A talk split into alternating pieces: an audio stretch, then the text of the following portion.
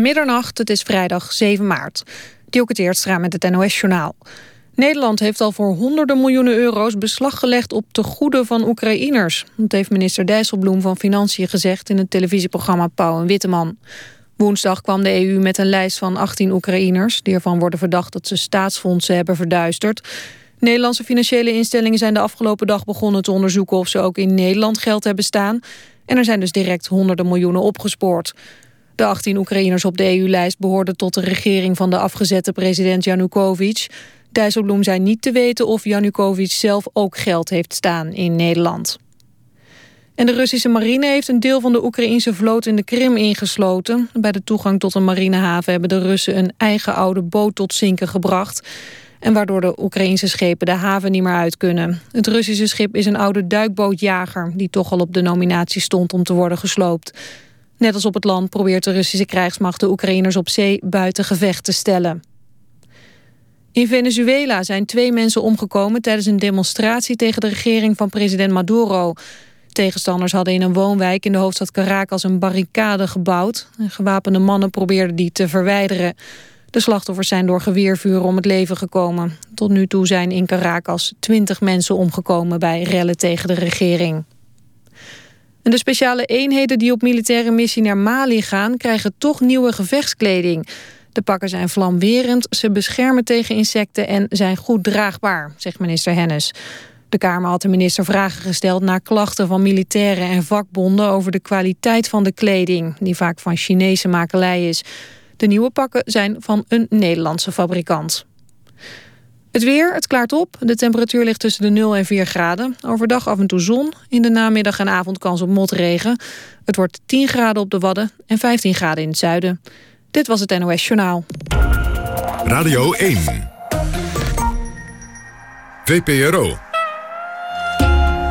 Nooit meer slapen.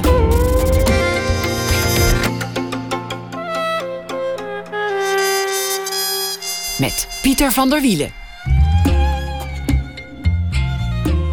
Goedenacht en welkom bij Nooit meer slapen. Na één uur krijgt u een verhaal van Thomas van Aalten. Dat doet hij deze week elke dag. Speciaal voor ons geschreven. En we spreken Pieter Steins, die ongeneeslijk ziek is geworden... maar wel zijn grote project nog heeft afgemaakt. Made in Europe, een boek over de Europese cultuur. Een lofzang. Maar we beginnen met de Koude Oorlog. De vergelijking werd de laatste week veel gemaakt... met uh, de tijd van de Sovjet-Unie... En net nu brengt het Historisch Nieuwsblad een reeks hoorcolleges op CD uit over die Koude Oorlog. Over de KGB, de muur, de bom, Khrushchev, Kennedy. Nou ja, al die verhalen. De spreker op die CD's is historicus Willem Melging van de Universiteit van Amsterdam. En hij is hier te gast. Goedenavond. Welkom. Ik was niet alleen trouwens hoor. Er waren nog, uh, nog drie collega's. Die hebben ook, uh, die hebben ook een, een, een, nummer ten beste gegeven. Ja, maar de, de, de mooiste die, die kwam van, uh, kwam van Willem Melging. Bekend als uh, Duitsland-deskundige. lange tijd ook bekend van de cultuurgeschiedenis. net een boek geschreven, niet zo lang geleden, over Adolf Hitler. Nu een, weer, weer de Koude Oorlog. Eigenlijk qua onderwerpen ja, deins je nergens voor terug. Hitler is de missing link tussen de Koude Oorlog en de Eerste Wereldoorlog, zullen we maar zeggen.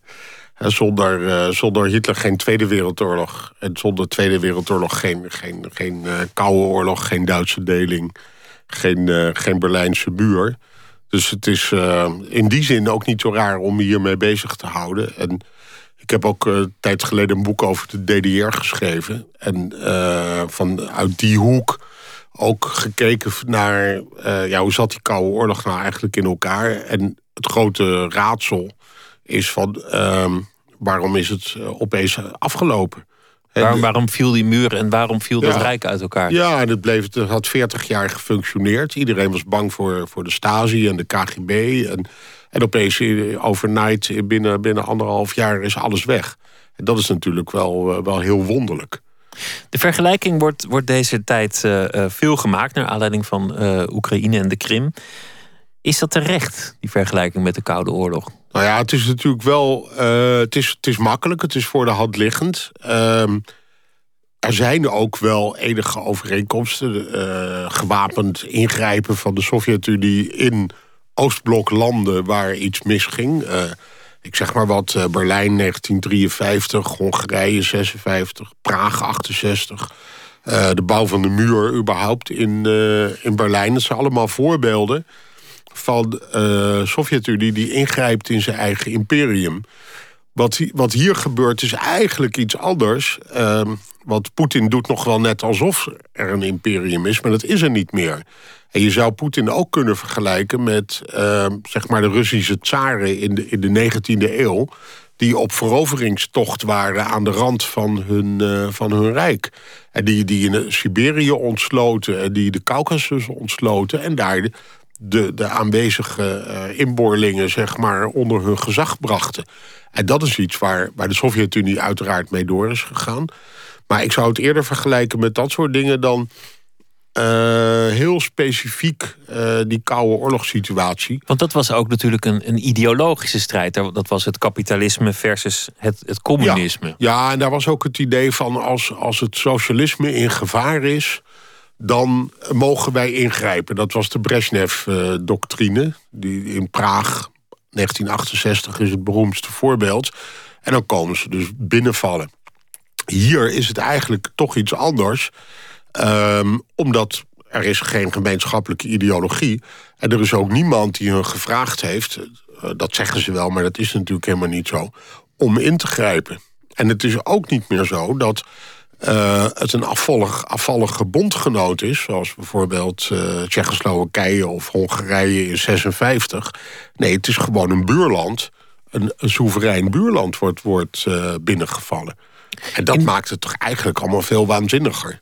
In de geschiedenis was het vaak zo dat uh, Rusland of de Sovjet-Unie op zoek was naar havens. Omdat ze natuurlijk weinig warme havens hebben waar ze de vloot kunnen stallen dat speelt hier tegen de achtergrond natuurlijk wel mee. Dat, dat, daar aan de Krim warm water zit. Ik heb het idee dat dat, dat moet haast wel. Want nou ja, de, de Sovjets hebben, ze hebben Siberië een haven, maar dat is toch vrij ver weg. Uh, ze hebben havens bij Moermansk, maar dat is niet betrouwbaar genoeg qua bevriezen. Oostzee vriest dicht. Dus het enige wat open blijft, en daar zijn ze eigenlijk al zolang Rusland een vloot heeft, zijn ze daarmee bezig. Dat is niet alleen de Sovjet-Unie, dat is, dat is al honderden jaren zo. Proberen over de Zwarte Zee, langs Turkije, een uitgang te vinden naar de Middellandse Zee. Maar er is niemand die hun daarbij uh, een strobreed in de weg ligt, legt. En er is zelfs ook gewoon een verdrag over dat uh, de Krim bij de Oekraïne hoort... maar dat de, de Sovjets daar gewoon allerlei rechten hebben... om daar een vlootbasis te, te onderhouden. En dat is heel normaal. Dat hebben de Amerikanen ook in, in Japan en dat soort, uh, dat soort buitengewesten. Griekenland hebben ze ook een paar van dat soort afspraken. Dus dat is niet zo raar. Dus er zit iets vreemds achter de reactie van, uh, van Poetin... En je zou ook kunnen zeggen van misschien is Poetin eigenlijk in paniek. En is hij bang dat die, die, die onwil van uh, bijvoorbeeld de Oekraïners om nog langer naar Rusland te luisteren, dat hij, daar, dat hij daar heel erg bang voor is. Of dat het misschien zelfs daar zijn eigen land kan overslaan. Ik bedoel, daar is ook niet iedereen tevreden. Het kan ook zo zijn dat hij uh, toch een soort obsessie heeft met het uiteenvallen van dat gigantische rijk. Dat, dat hij in zijn jonge jaren nog heeft meegemaakt. Een imperium dat ineens geen imperium meer was. Steeds meer landen die, die er niks mee te maken willen hebben. Die hun eigen koers willen dat varen. Heeft, dat heeft hij ook gewoon gezegd. Hij, voor de goede orde, hij was KGB-man. Niet heel erg hoog, eh, maar toch wel behoorlijk. In Oost-Duitsland, in Dresden. Hij heeft de de opstand in Oost-Duitsland is eigenlijk op 3 oktober 89 in Dresden begonnen. Dat heeft hij dus van dichtbij meegemaakt. Hij heeft ook gezien dat de Sovjets opdracht hadden uit Moskou om niks te doen. Misschien dat zijn handen jeukten, maar ze hebben niks gedaan in, uh, in de DDR, de, de, dankzij Gorbachev.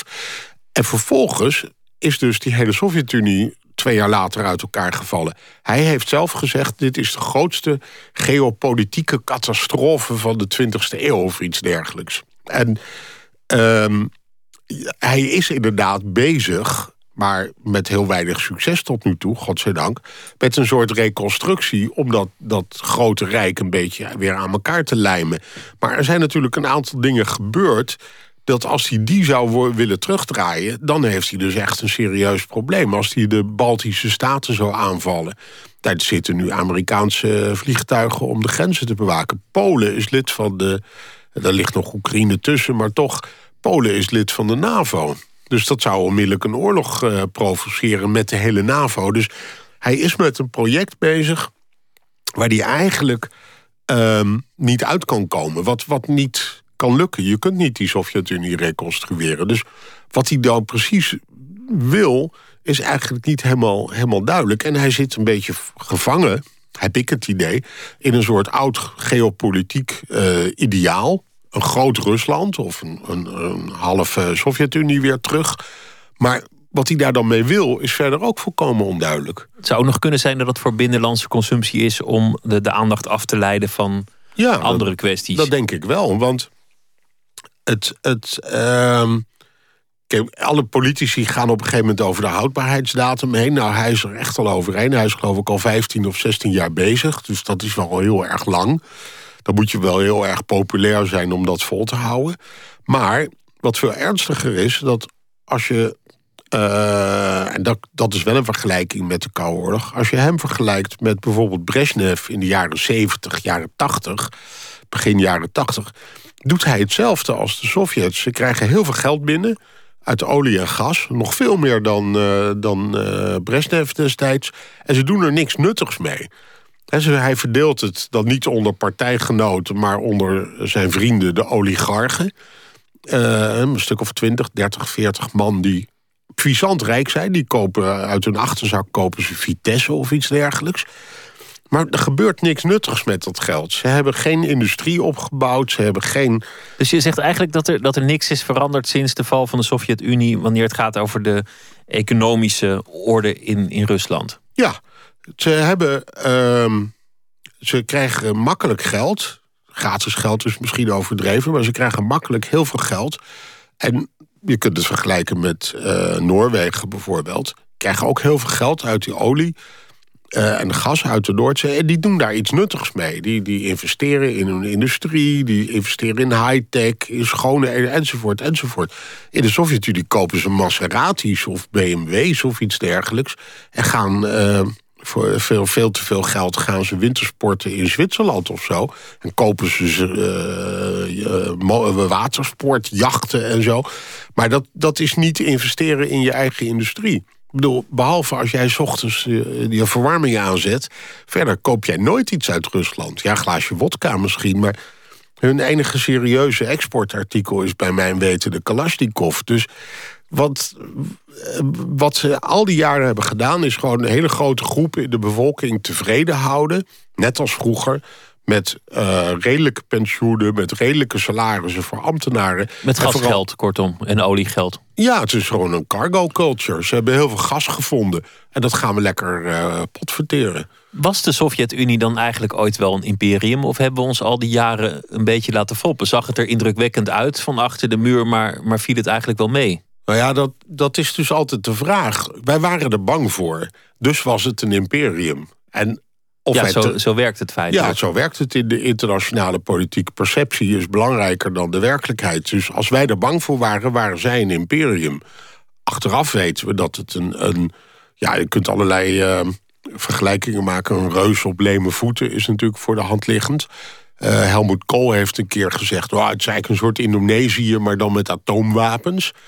En het dus een derde wereldland, maar dan met atoomwapens. Nou ja, dat is wel een fundamenteel punt, die, die atoomwapens. Dat is ook wel reden om bang te zijn. Ja, toen wel, ja. Maar je kunt zeggen van atoomwapens... het enige wat atoomwapens hebben bewezen... en uh, de oude Stalin had het al uh, scherp gezien... was... Uh, atoomwapens zijn niks voor mensen met zwakke zenuwen, zei hij. Je gebruikt ze niet, want dat is natuurlijk zelfmoord. Dat is volkomen krankzinnig. Maar je moet ermee kunnen omgaan. Maar die hele dreiging van dat we elkaar met atoomwapens zouden bestoken... is toch wel redelijk weggevallen. In ieder geval, misschien niet bij een stel terroristen... Eh, zoals in Iran of zo... maar wel bij min of meer serieuze uh, grootmachten. Om die angst aan te wakkeren, uh, luisteren naar een historisch fragment. dat is voorlichting wat te doen als er een atoomaanval komt... en je niet in de buurt bent van een goede schelkelder. Tegen al deze dingen is er op het moment dat de bom barst maar één bescherming. Zich dekken. Naar binnen. Ergens onder. Bescherm alle onbeschermde huiddelen. Duik onder het instrumentenbord. Bescherm u ook binnenshuis. U hebt geen tijd een betere schuilplaats te zoeken voordat de luchtstoot komt. Nee, nog niet opstaan. Blijf liggen tot alle puin gevallen is.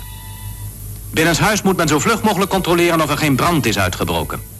Wanneer u deze onverhoedse aanval hebt overleefd... zorg dan dat u zo gauw mogelijk onder dak komt... in verband met de te verwachten radioactieve neerslag.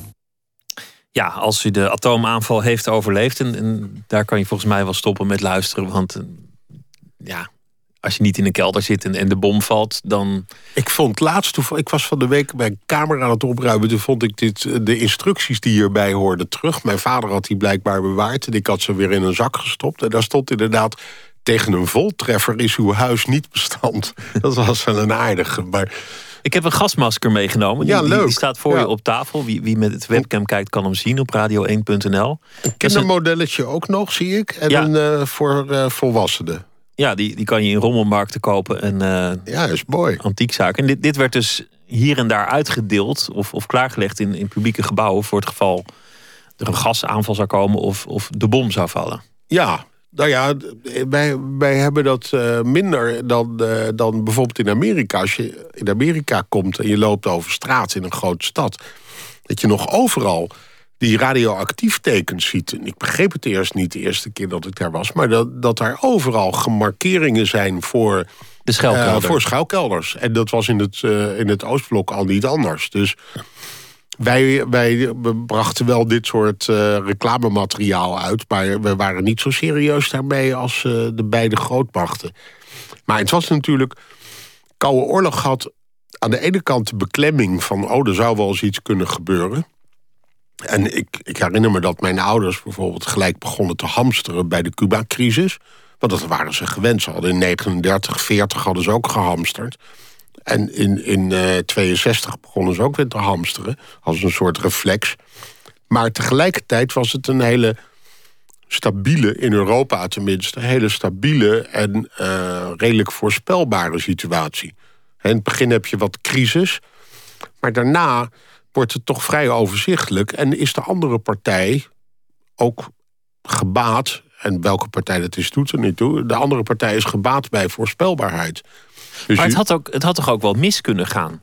De, de Cuba-crisis, eh, nu weten we achteraf dat, dat er flink onderhandeld werd... en dat er ook een Ja. beetje een toneelstukje werd uitgevoerd. Kennedy kreeg voor het oog van de wereld de overwinning... in ruil voor harde toezeggingen aan, ja. aan de Sovjet-Unie. Nou ja, dat was. eh, de, de, de moeder aller internationale crisis is augustus 1914.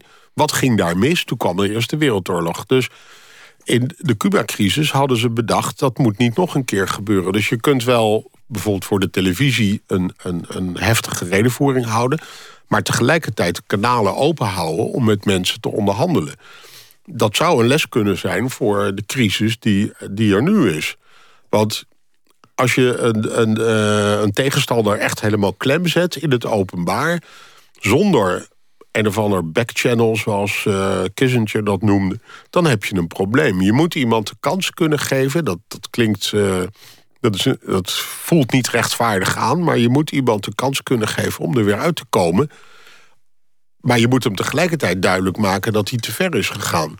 En in dit geval was het eh, dat de, de broer van Kennedy... die elke dag ging lunchen met de ambassadeur in Washington. Ja, en die hadden ja. een achteringang van een goed restaurant. Die hebben daar... Ja, die, die onderhandelde. En dan, en dan zei hij van nou, vanavond gaat mijn broer weer een tv-toespraak houden. Daar moet je verder maar niet op letten. En zij ha- hadden een soort eh, eh, relatie eh, dat ze dat konden uitwerken. En die, die eh, ambassadeur had ook invloed op, eh op eh Khrushchev in Moskou zelf. Want die, die was, eh, had, had de Sovjet-Unie in dit probleem eh, geholpen. Dus die moest ook omgepraat worden om dus eh, zijn standpunt eh, te wijzigen. Maar het had natuurlijk ook, misschien niet in, in, de Cuba-crisis zozeer... maar op, op Er zijn wel momenten, moment ja. had het mis kunnen gaan. Er zijn momenten dat, dat uh, achteraf horen dat het mis had kunnen gaan. Een beroemd moment is de, de eh, oorlog tussen Egypte en Israël in 73. Waarbij Israël eh, er militair op een gegeven moment... eerst staan ze heel zwak, maar dan er zo sterk voor staan... dat ze gewoon heel Cairo in de puin hadden kunnen gooien. En dan eh, gooien de Sovjets hun staat van nucleaire paraatheid omhoog... en laten dat ook weten aan Kissinger... die dan de Israëli als het ware terugfluit. En zo zijn er wel een paar... ik zou niet zo gauw nog even een voorbeeld zo uit mijn mouw kunnen schudden... maar er zijn een aantal momenten dat dat, dat, dat verkeerd ging.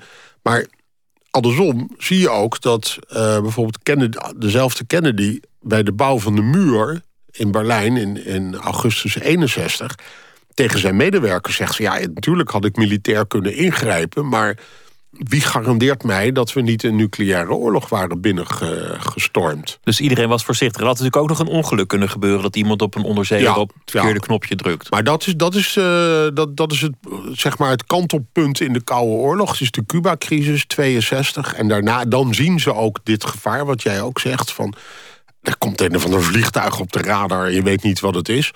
Ehm, dan krijg je dus de hotline, zoals dat dan heet. Dat is dan zo'n telex-verbinding. En daarna een telefoon. Je denkt natuurlijk aan zo'n rode James Bond-telefoon. Maar een, een duidelijke, goede communicatie tussen de Sovjet-Unie en uh, de Verenigde Staten. Van als er inderdaad per ongeluk iets mis zou gaan, dat je kunt uitleggen wat het is. En, dat er niet opeens uh, uh, automatisch als er een, een, vliegtuig binnen de radar komt... dat je dan gelijk met die bommen begint te gooien. Dat, uh, dus er worden vanaf de Cuba-crisis zie je stap voor stap... eigenlijk nou ja, zeg maar wapenbeheersing, communicatieverbetering... Um, en het is ook heel erg duur, dus ze hebben ook alle belang bij... om die, die atoombewapening iets terug te dringen. En onder Nixon uh, krijgt dat dan... Uh, krijgt dat dan zijn beslag begin jaren 70. We hebben muziek uitgekozen uh, die iets met de Koude Oorlog te maken heeft. Um, de Muur in Berlijn kwam al ter sprake. David Bowie bivakkeerde in de jaren 70 uh, veelvuldig uh, in Berlijn. Ja, ja, samen met Iggy Pop. Ja, en met Brian Eno. En het bekendste ja, nummer ja. is natuurlijk Heroes.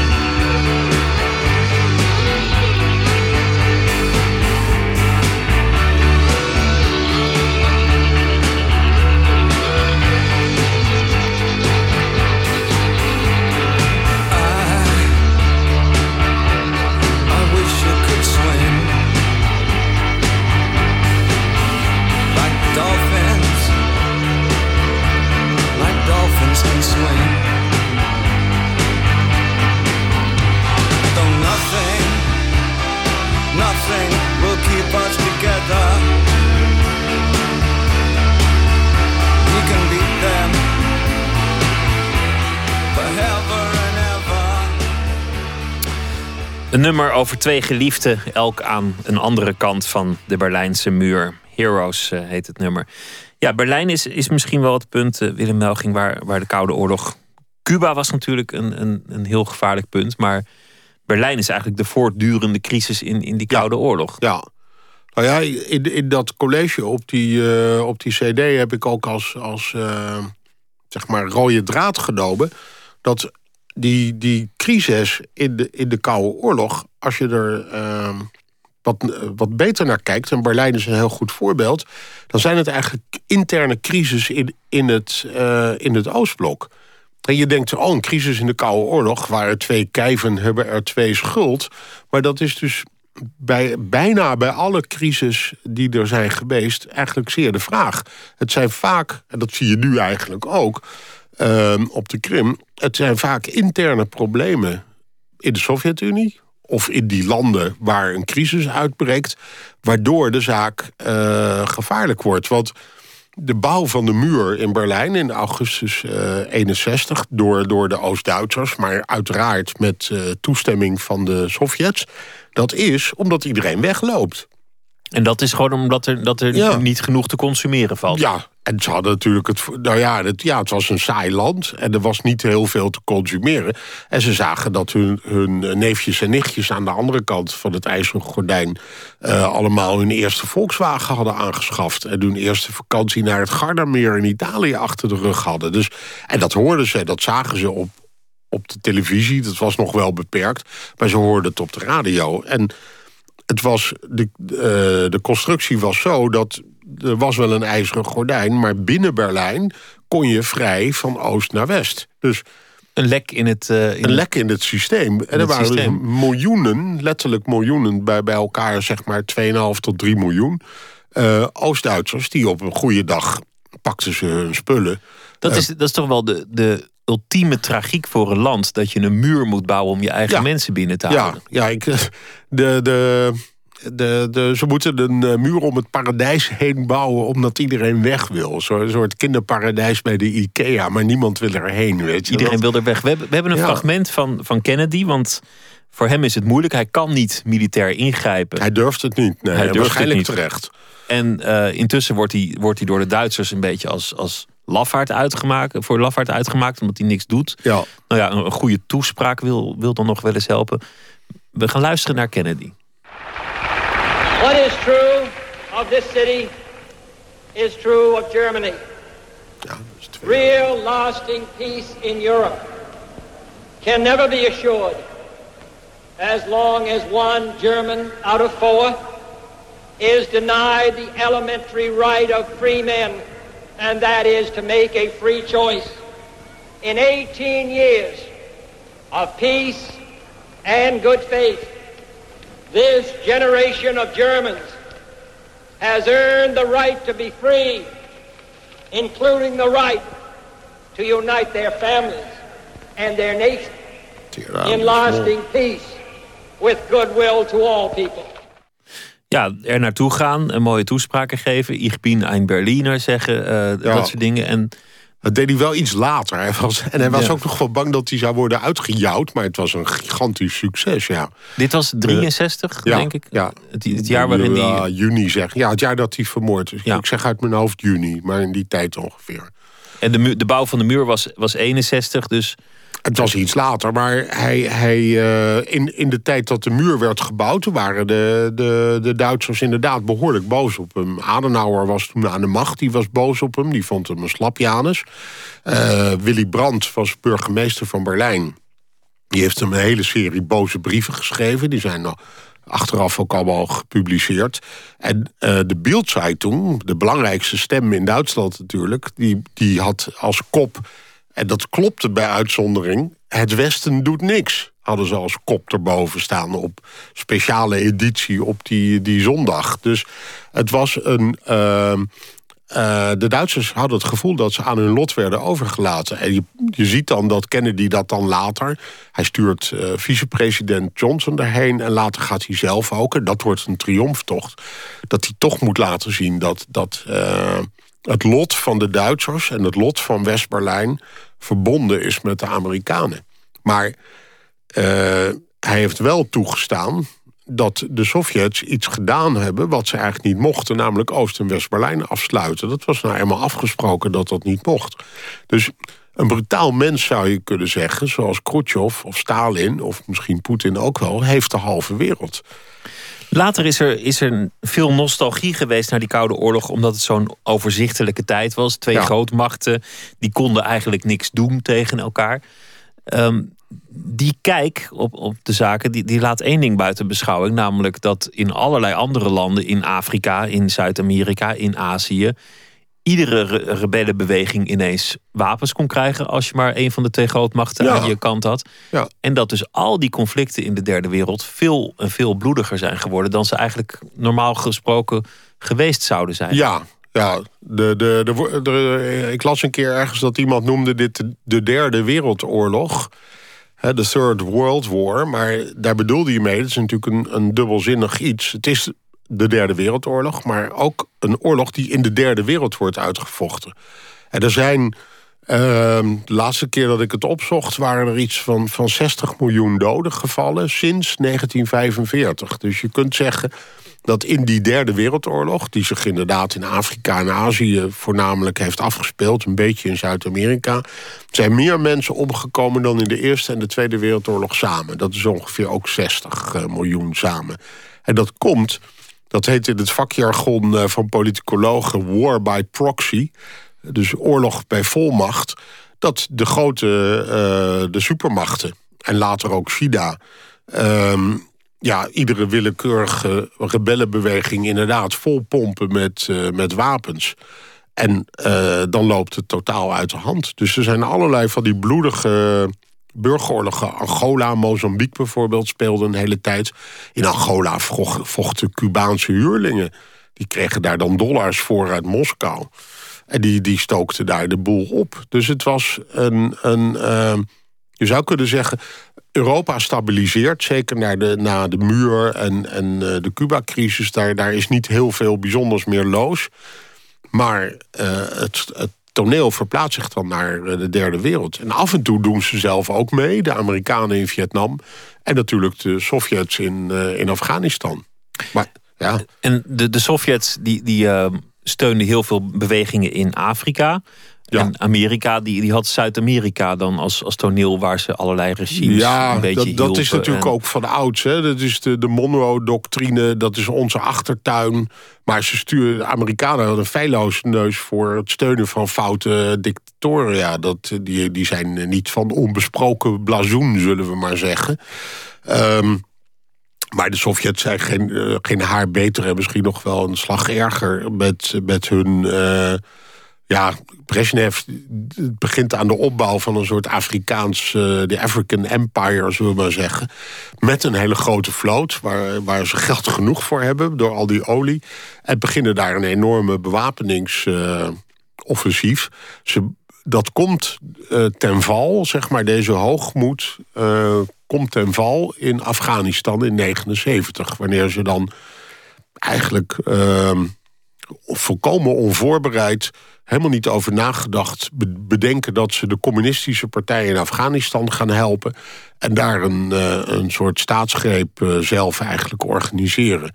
En vervolgens storten ze zich daar in een, in een moeras, wat vergelijkbaar is met het, eh, de ellende die de Amerikanen in, Vietna- in Vietnam over zichzelf hebben afgeroepen.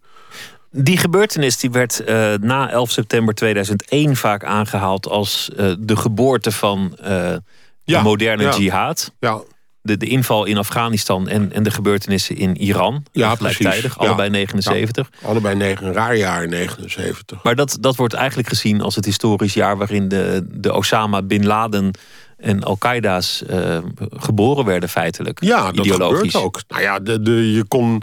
eh, ik herinner mij uit mijn, eh, uit mijn middelbare schooltijd... dat je gewoon... eh, gingen mensen na hun eindexamen op de brommer... kun je je voorstellen, zo'n Haagse poeg... op de brommer naar Afghanistan om has te roken. En dan kwamen ze na een paar maanden weer geheel verdwaasd terug... En hadden ze zo'n fijne Afghaanse jas gekocht of zo. En die brommen waren ze natuurlijk al lang kwijt bij Istanbul. Maar daar kon je gewoon heen. En er liepen allemaal stammen rond met wat oude jachtgeweren uit de tijd van de Engelsen. En dat land, waar altijd al stammenoorlogen waren... waar iedere buitenstaander onmiddellijk het land wordt uitgeknikkerd... wordt helemaal volgegooid. Eerst met Sovjetwapens en vervolgens natuurlijk met Amerikaanse wapens. Dus je kreeg uh, nog onder Jimmy Carter, dus nog in 79 zag je al beelden, of uh, 80, pardon... zag je uh, beelden van, van mannen met baarden... die dan vanaf hun schouder zo'n stingerraket gingen afschieten... op een Russische helikopter. En dat liep natuurlijk gigantisch uit de hand. En die combinatie van al die wapens, plus natuurlijk de islam die zich sowieso al tekort gedaan voelde... en nu dacht, nu komt er een soort uh, islamitische renaissance... Iran uh, en wat andere dingen. Um, ja, dat werd er gewoon een speeltuin voor allerlei... Wat later terroristische groepen worden. Dus.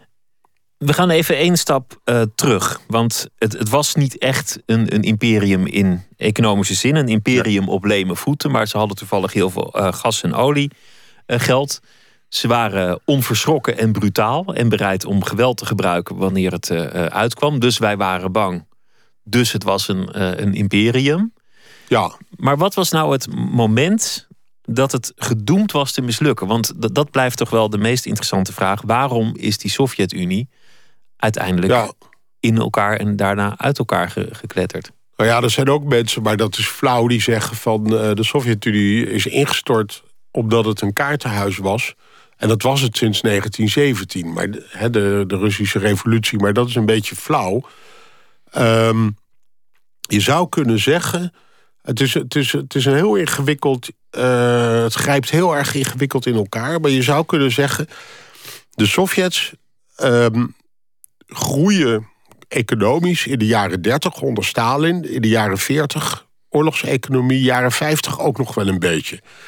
Maar ze gaan ervan uit, en dat is ook de, de, de ratio van hun bestaan... ze gaan ervan uit dat hun systeem, dat heeft Marx namelijk zelf gezegd... dat hun systeem superieur is aan dat van het Westen. Dat betekent dat je het Westen op een dag moet inhalen. En Khrushchev zegt dat ook. Er is een beroemd filmpje, Khrushchev en, en uh, Nixon, vicepresident dan nog...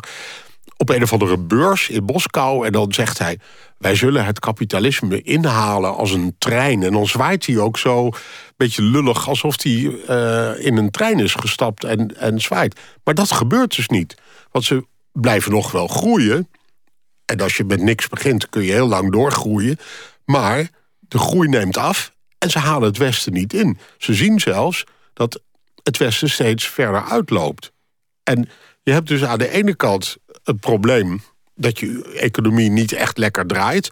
Maar wat veel erger is, en dat is waarschijnlijk ook de reden dat ze op een gegeven moment de stekker eruit trekken in, in 90, 91 het systeem werkt niet. Ze halen het Westen niet in. Sterker nog, ze raken steeds verder achterop. Moet je het dan zien als een soort mislukt wetenschappelijk experiment? Van we proberen een economie uh, op een andere basis dan, dan de markt. Ja. En dat is ja. gewoon niet gelukt. Er is een beroemde grap over van de twee arbeiders. Gorbachev komt op bezoek in een fabriek... en twee arbeiders komen naar hem toe en die zeggen... kameraad Gorbachev, is ons socialisme echt wetenschappelijk? Hè? Want dat zegt Marx, wetenschappelijk socialisme.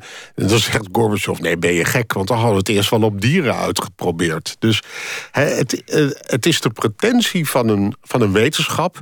maar in werkelijkheid is het dus... He, de, je, het is een planeconomie, dus alles is tot in details geregeld. Nou, dat is een recept tot economische chaos, corruptie, uh, schaarste aan de ene kant... en absurde hoeveelheden van iets wat je niet nodig hebt aan de andere kant. De hele economie is eigenlijk één grote uh, uh, bende. En door het systeem van iedereen heeft een baan natuurlijk... iedereen verdient niet veel, maar net genoeg om keurig in leven te blijven... en af en toe een liter wodka te drinken... Is er ook geen enkele stimulans voor niemand om hard te werken... of om zuinig aan te doen of winst te maken. Dus alles wat uh, inspeelt, zoals bij ons, op de slechtigheid... en de hebzucht van mensen... Dat wordt prima uitgebuit natuurlijk binnen zo'n kapitalistisch systeem. Dat blijft allemaal onbenut. Maar je dus zou ja. ook kunnen zeggen dat er al heel lang een tendens was om het, om het wat af te zwakken. Dat uh, geleidelijk aan er toch wat meer consumptie werd toegestaan. Dat er wat, wat meer import werd toegestaan. Dat ook de mensenrechten uh, langzaamaan steeds ja, meer in ja. acht werden genomen. Een heel klein beetje, maar Stalin zou zich hebben omgedraaid in zijn graf... als hij dat had geweten, want uh, dat botst natuurlijk met uh, tegelijkertijd de pretentie dat je revolutionair bent. Het probleem is natuurlijk dat... aan de DDR kun je het het beste illustreren... want dat ligt in de frontlinie. Um, en die hebben ook... Er is een, een West- en een Oost-Duitsland, dus die hebben vergelijkingsmateriaal. Zodra je de relaties met het Westen gaat normaliseren... dringt zich onmiddellijk de vraag op... hoeveel normalisatie kan zo'n land verdragen? dan, dan komt uh, 87, komt Honecker in West-Duitsland op bezoek... en dan gaat hij zijn oude, eigen ouderlijk huis bezoeken. Dan zeggen miljoenen Oost-Duitsers... god, dat zou ik ook wel eens willen. dus het is een... hoeveel hoe normaal ben je als je zegt... wij zijn eigenlijk heel gewoon... en tegelijkertijd in de hoofdstad een enorme muur hebt gebouwd... en langs de gewone grens uh, ook een, een hek... met allemaal zelfschietende mitrailleurs. Dus het, is een, het wringt heel erg. Ze willen in de loop van de jaren tachtig... willen ze serieus worden genomen. En ze willen uh, dat iedereen doet alsof ze gewoon een normaal land zijn... of een normaal... Uh, ja, gewoon normale landen zijn, maar dat zijn het niet. Want ze sluiten hun eigen burgers op, als je het heel kort wil, uh, wil samenvatten. En als ze de, de markt open hadden gegooid, waren ze gewoon weggeconcureerd? Dan waren ze gelijk uh, weggevaagd. Dat is, nou ja, dat... Uh, ik, ik heb in die, dat college dat ook wel een paar even genoemd. Er worden wel geëxperimenteerd met markteconomie, zeg maar. Maar heel beperkt hoor, daar moet je niet te veel bij voorstellen, maar een beetje. En al die experimenten in Rusland en in Oost-Duitsland, Hongarije, uh, Tsjechoslowakije niet te vergeten, worden allemaal afgeblazen omdat ze zo'n succes zijn. Ze zien onmiddellijk dat als je dingen gaat invoeren als loon naar prestatie of winst, of als jij als fabriek winst maakt, dan mag je het zelf houden en dan mag je mee doen wat je wil. Dat, dat eh, levert onmiddellijk enorme resultaten op, maar de zaak loopt dan uh, ja, ontspoort dan natuurlijk gelijk, want dan willen die anderen dat ook. En dan kun je net zo goed. Dan is het einde zoek. Ja. 79, ze vallen Afghanistan uh, binnen. Je zei net dat dat is eigenlijk de grote fout geweest. Het, dat is eigenlijk het, het, keerpunt. Ja. Het is niet geweest. echt een oorzaak, want die oorzaak is veel dieper. Dat is dat, dat economische systeem wat niet meer functioneert. Maar je ziet daaraan dat ze gewoon geen, geen, uh, er niet meer uitkomen. Ze doen maar wat. Ze vallen Afghanistan binnen, maar weten eigenlijk niet hoe ze daar weg moeten komen. Dat gebeurt uiteindelijk onder Gorbachev. Uh, een jaar later, twee jaar later, heb je een enorme opstand weer in Polen. En er zijn ook historici die zeggen van... dat is eigenlijk het moment dat de Sovjet-Unie aan zijn ondergang begint. In Polen wordt dan, is een opstand, daar wordt dan de noodtoestand uitgeroepen. Maar de Sovjets zijn eigenlijk niet meer in staat om zelf militair in te grijpen. Zoals ze dat in Hongarije en Praag nog wel hadden gedaan. Ja, er zijn ook anderen die zeggen nee, dat was niet meer van deze tijd. Maar de meeste mensen zeggen toch nee, je kunt zien, ze willen het wel, maar ze durven het niet meer. En Inmiddels is ook zo'n eh, Ronald Reagan in Amerika aan de macht uh, gekomen. je noemde net Carter. Uh, Reagan was, was een ander soort president. die een andere retoriek aandurfde. Maar, maar die... Um, ja, eigenlijk heel gek. Die een enorme angst had voor kernwapens. Er, er falikant op tegen was. Maar juist omdat hij er zo op tegen was...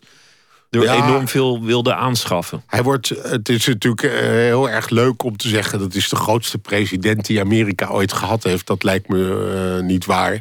Maar hij is wel iemand die een, een heel merkwaardig beleid heeft gevoerd. Hij was een van de weinigen die aanvoelde dat het niet zo goed ging met de Sovjet-Unie. Hij had ook allerlei hele half mystieke raadgevers en zo... van die de Sovjet-Unie dan kende. Dus hij dacht gewoon, ik zeg gewoon van dat de, de keizer heeft geen kleren meer aan. Het gaat gewoon slecht daar. Hij, zette, hij had geluk dat Gorbachev kwam, waar wel mee te praten viel. En toen hij ze eenmaal zo uh, bij hun ballen had, om het zo maar te zeggen... toen wilde hij ook praten over ontwapening. Want hij was er, diep in zijn hart was hij inderdaad... je zei het al, heel erg bang voor kernwapens. Hij was een soort kernpacifist. En een, een prachtig moment van, waarin je kunt zien hoe, hoe hij tegen de draad is... is die beroemde toespraak in Berlijn bij de Brandenburger Tor, 1987. En dan roept hij opeens tegen het advies van de Duitsers... en zijn eigen ministerie van Buitenlandse Zaken zegt hij... Mr. Gorbachev, tear down this wall. En als je dat fragment ooit nog terugziet op tv of op YouTube... moet je op het gezicht van Helmoet Kool letten... want die kijkt geheel verbijsterd. Weet ook niet of hij moet klappen. En dan begint het publiek begint natuurlijk te juichen. En dan zie je Kool aarzelend. Nou, dan laat ik dan ook maar klappen. Maar het was voor Kool al ondenkbaar dat dat zou gebeuren. Ja, en, en dat hoorde je eigenlijk niet meer te doen. Zo'n keiharde, uh, kei, uh, koude oorlogsretoriek. En dat was het, het sterke van Reagan, dat hij dat gewoon wel deed omdat het ook, het is, is ook achteraf gezien eigenlijk een hele terechte vraag. Van waarom staat hier die malle muur? Leg dat maar eens uit. De muur ging naar beneden in 1989. De Sovjet-Unie uh, viel uit elkaar. Uh, steeds meer landen gingen hun eigen ja, weg. Ja. Er zijn nog allerlei pogingen geweest het bij elkaar te houden. Maar ja, daar is wel heel veel geweld gebruikt. Ja. Niet in het Oostblok, maar in eigen land is, uh, of Estland, Letland en zo, is ontzettend veel geweld nog gebruikt. Door, ook door de brave Gorbachev. Om het bij elkaar te houden. Ja. ja. Uiteindelijk zijn we dan uh, met een hele grote stap aangeland. Nu, hier. Ja.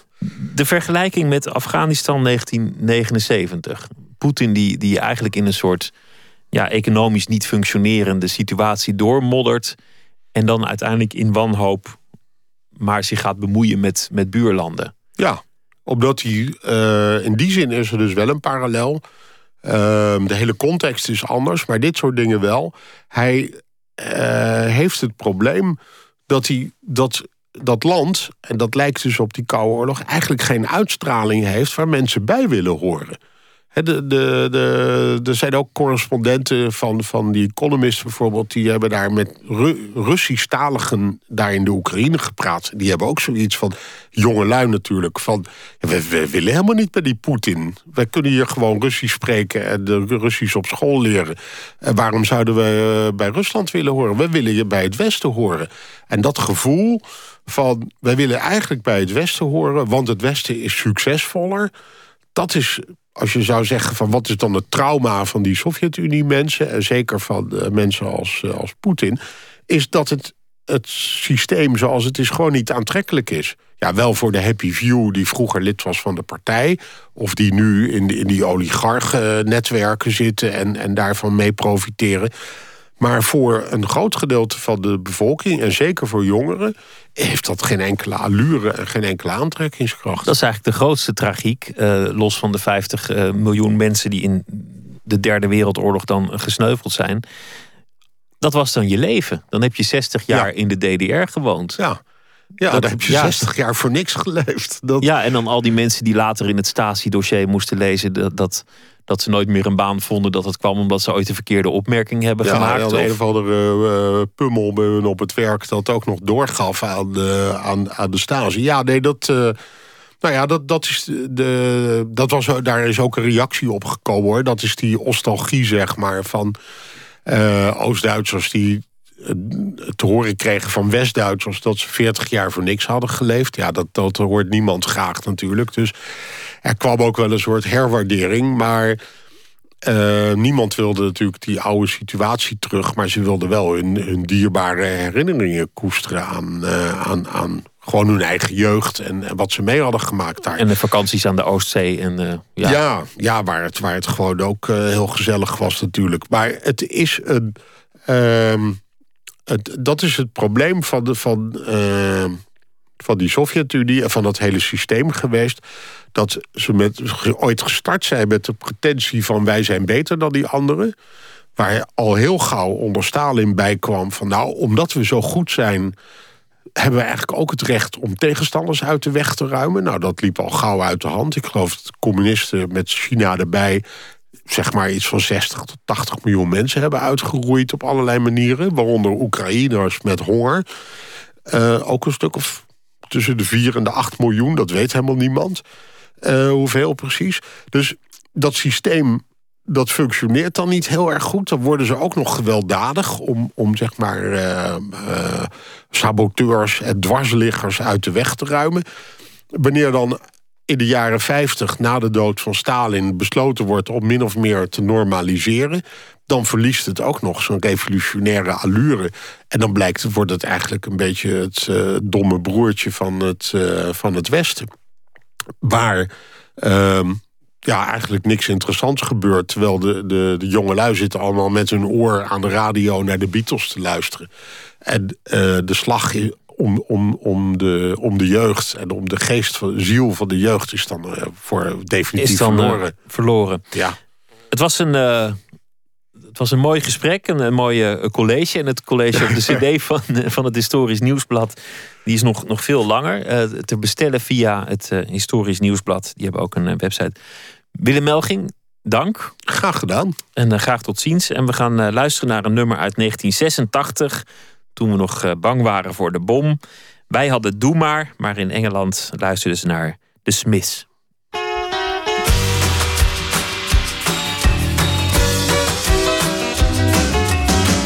Shyness is nice, and shyness can stop you from doing all the things in life you'd like to. Shyness is nice, and shyness can stop you from doing all the things in life you'd like to. So if there's something you'd like to try, if there's something you'd like to try, ask me, I won't say no, how could I?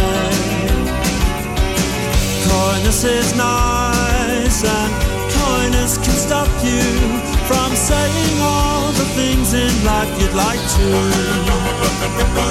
So if there's something you'd like to try, if there's something you'd like to try, ask me, I won't say no, how could I? spending warm summer days indoors, writing frightening verse to a buck-toothed girl in Luxembourg. Me, because if it's not love, then it's the bomb, the bomb, the bomb, the bomb, the bomb, the bomb, the bomb that will bring us together.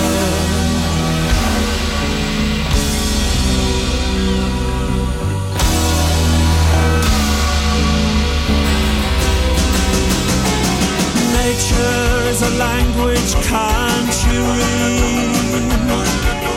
Nature is a language, can't you read? So ask me, ask me, ask me, ask me, ask me, ask me, because if it's not love, then it's the bomb, the bomb, the bomb, the bomb, the bomb, the bomb, the bomb that will bring us together. If it's not love,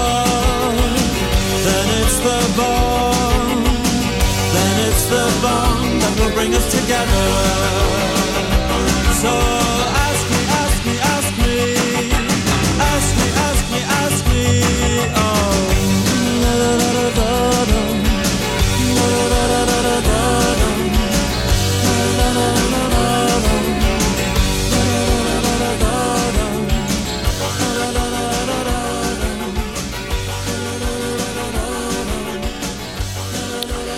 Als de liefde ons niet bij elkaar brengt, dan zal de bom het wel doen, zongen de Smiths in uh, 1986. Het nummer heette Ask. We sluiten het uur af met een uh, serie deze week. En het gaat over fout goud. De nazi's roofden tijdens de Tweede Wereldoorlog goud weg uit Nederland. De nationale goudvoorraad van de Nederlandse Bank moest het flink ontgelden. En alle Nederlanders moesten alles van goud inleveren bij de bezetter. Dat is in het korte geschiedenis van de thriller Fout Goud. Die uh, is gebaseerd op een waar gebeurd verhaal. Schrijver van het boek is Roel Jansen en hij vertelt in vier delen over die goudroof. Vandaag het laatste deel. Waar is dat goud eigenlijk gebleven?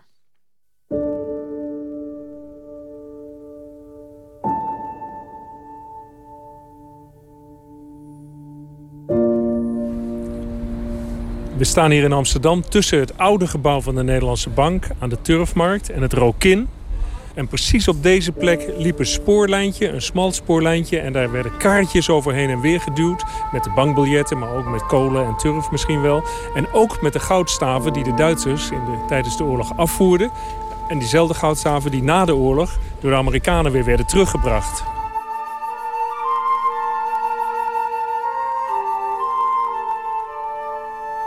Ros van Tonneren kon het vanuit zijn uh, werkkamer, op de eerste verdieping, kon hij dat zien. Kon hij naar buiten kijken en dan zag hij de karretjes met goud naar buiten geduwd worden. En ik neem aan dat ze in uh, vrachtwagens van de Weermacht werden geladen en vervolgens wegreden naar Berlijn, naar de Rijksbank. Was het, dat, dat, dat, dat smalspoor dat liep hier zo door de hal van het gebouw. En dat verdween dan achter een soort uh, smeedijzeren hek. Zwart smeedijzeren hek waar soort eng hoofd op te zien is... met twee handen van ho, verder mag je niet. En achter dat hek daar zat dan de kluis van de Nederlandse bank. Minder dan de helft van het goud dat de nazi's geroofd hebben is teruggekomen. En dat komt voornamelijk omdat de nazi's, de Rijksbank, het tijdens de oorlog allemaal verkocht hebben aan Zwitserland. Kijk, de nazi's hadden ontzettend dringende behoefte aan harde valuta. En de Zwitserse frank, nou mooier dan dat kun je het niet krijgen. Dus al het goud dat ze roofden uit de bezette landen, uit Nederland, maar ook uit andere landen, werd vervolgens aan de Zwitsers verkocht. En uh, in ruil voor harde valuta, voor Zwitserse frank. En daarmee konden de Duitsers chroom, staal en tin en nikkel en wat ze maar nodig hadden voor de oorlogsindustrie uh, En die Zwitsers hebben dat goud bijna volledig gehouden. Na de oorlog hebben ze een klein stukje ervan teruggegeven in 1946. En hebben ze tegelijk afgesproken. En in de toekomst worden we hier nooit meer over lastig gevallen.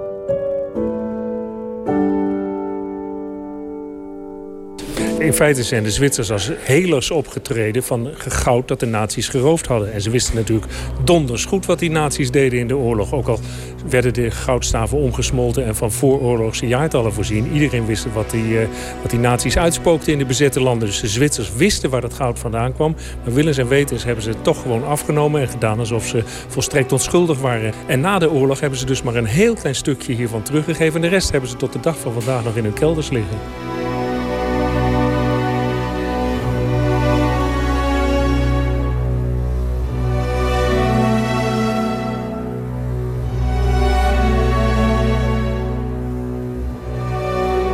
Ligt nog iets van 61.000 kilo Nederlands oorlogsgoud... met een huidige waarde van ruim 2 miljard euro. Daar kun je het begrotingstekort morgen mee dichten. Dus ik stel ook voor dat die Zwitsers dat snel teruggeven. Dan heeft Dijsselbloem weer wat geld.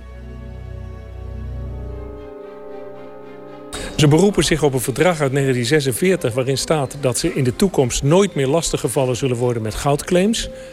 En uh, ja, dus juridisch en volkenrechtelijk ligt het heel erg moeilijk. Maar Nederland heeft het ook heel onhandig gespeeld na de oorlog. Men kwam er pas laat achter wat er daadwerkelijk was verdwenen... en waar het naartoe was gegaan, namelijk naar Zwitserland. En eh, diplomatieke overleg en zo, dat is allemaal mislukt.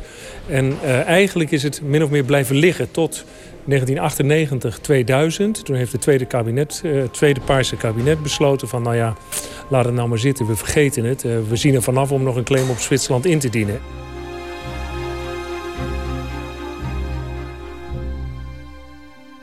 Stilzwijgend heeft men eigenlijk besloten van uh, we houden mee op. Uh, het heeft, uh, volkenrechtelijk is het heel erg lastig. Dus we laten het zitten. En men heeft gek genoeg de Kamer daar ook nooit over geïnformeerd. Nou, gelukkig heeft een Kamerlid, het CDA-Kamerlid Van Heijem... heeft vragen gesteld naar aanleiding van mijn boek... naar aanleiding van de onthulling in Fout gehaald... dat hij van het kabinet opheldering wil... wat er nou precies in 2000 is besloten. Waarom heeft men besloten om die claim op Zwitserland maar te laten zitten? Om daar om in te berusten dat we dat goud nooit meer terugkrijgen. Want het is natuurlijk een enorme hoeveelheid. Het is oorlogsgoud. Het is zelfs de, munten van opa en oma die erin zijn verwerkt. En het is een gigantisch bedrag. En uh, ja, dan, houdt het, dan geeft het natuurlijk geen pas om te zeggen... in 1946 hebben we afgesproken dat we nooit meer een claim kan worden ingediend. Het was volstrekt immoreel wat de Zwitsers gedaan hebben. En uh, ja, ik vind het goed dat er nu werk van wordt gemaakt. En ik ben heel benieuwd wat het kabinet hierop gaat antwoorden.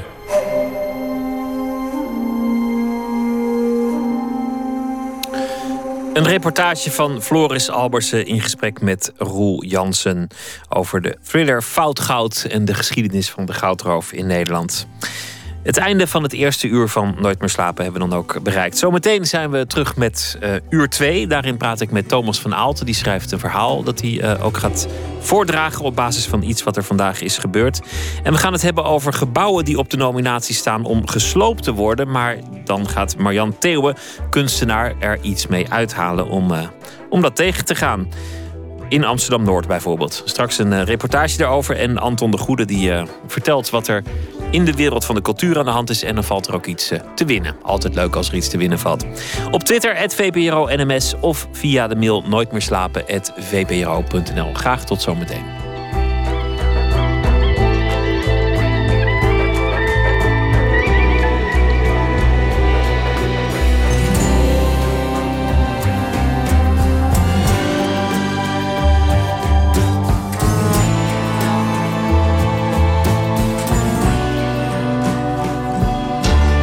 Radio 1, het nieuws van alle kanten.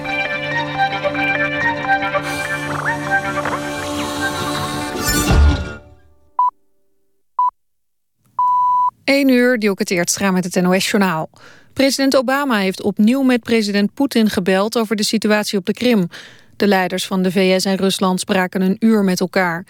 Obama heeft er bij Poetin op aangedrongen akkoord te gaan met een diplomatieke oplossing voor de crisis. In dat scenario trekt Rusland zijn troepen terug naar zijn militaire basis... en begint het rechtstreekse besprekingen met de nieuwe Oekraïnse regering. Ook zouden er internationale waarnemers op de Krim moeten komen. Obama noemde de Russische militaire actie een schending van de Oekraïnse soevereiniteit en de territoriale integriteit. Nederland heeft al voor honderden miljoenen euro's beslag gelegd op tegoeden van Oekraïners. Dat heeft minister Dijsselbloem van Financiën gezegd in het televisieprogramma Pauw en Witteman.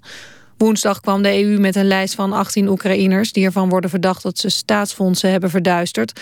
Nederlandse financiële instellingen onderzoeken nu of ze ook in Nederland geld hebben staan. De paar honderd miljoen die tot nu toe is opgespoord... is nog maar een voorlopige tussenstand, zegt Dijsselbloem. De minister weet niet of ook oud-president Janukovic geld in Nederland heeft staan. De gemeente Zandvoort heeft tegengehouden dat een man die is veroordeeld voor verkrachting zijn proefverlof daar mag doorbrengen bij zijn moeder. Ook zijn slachtoffer woont in Zandvoort en zij is bang dat ze de man tegenkomt.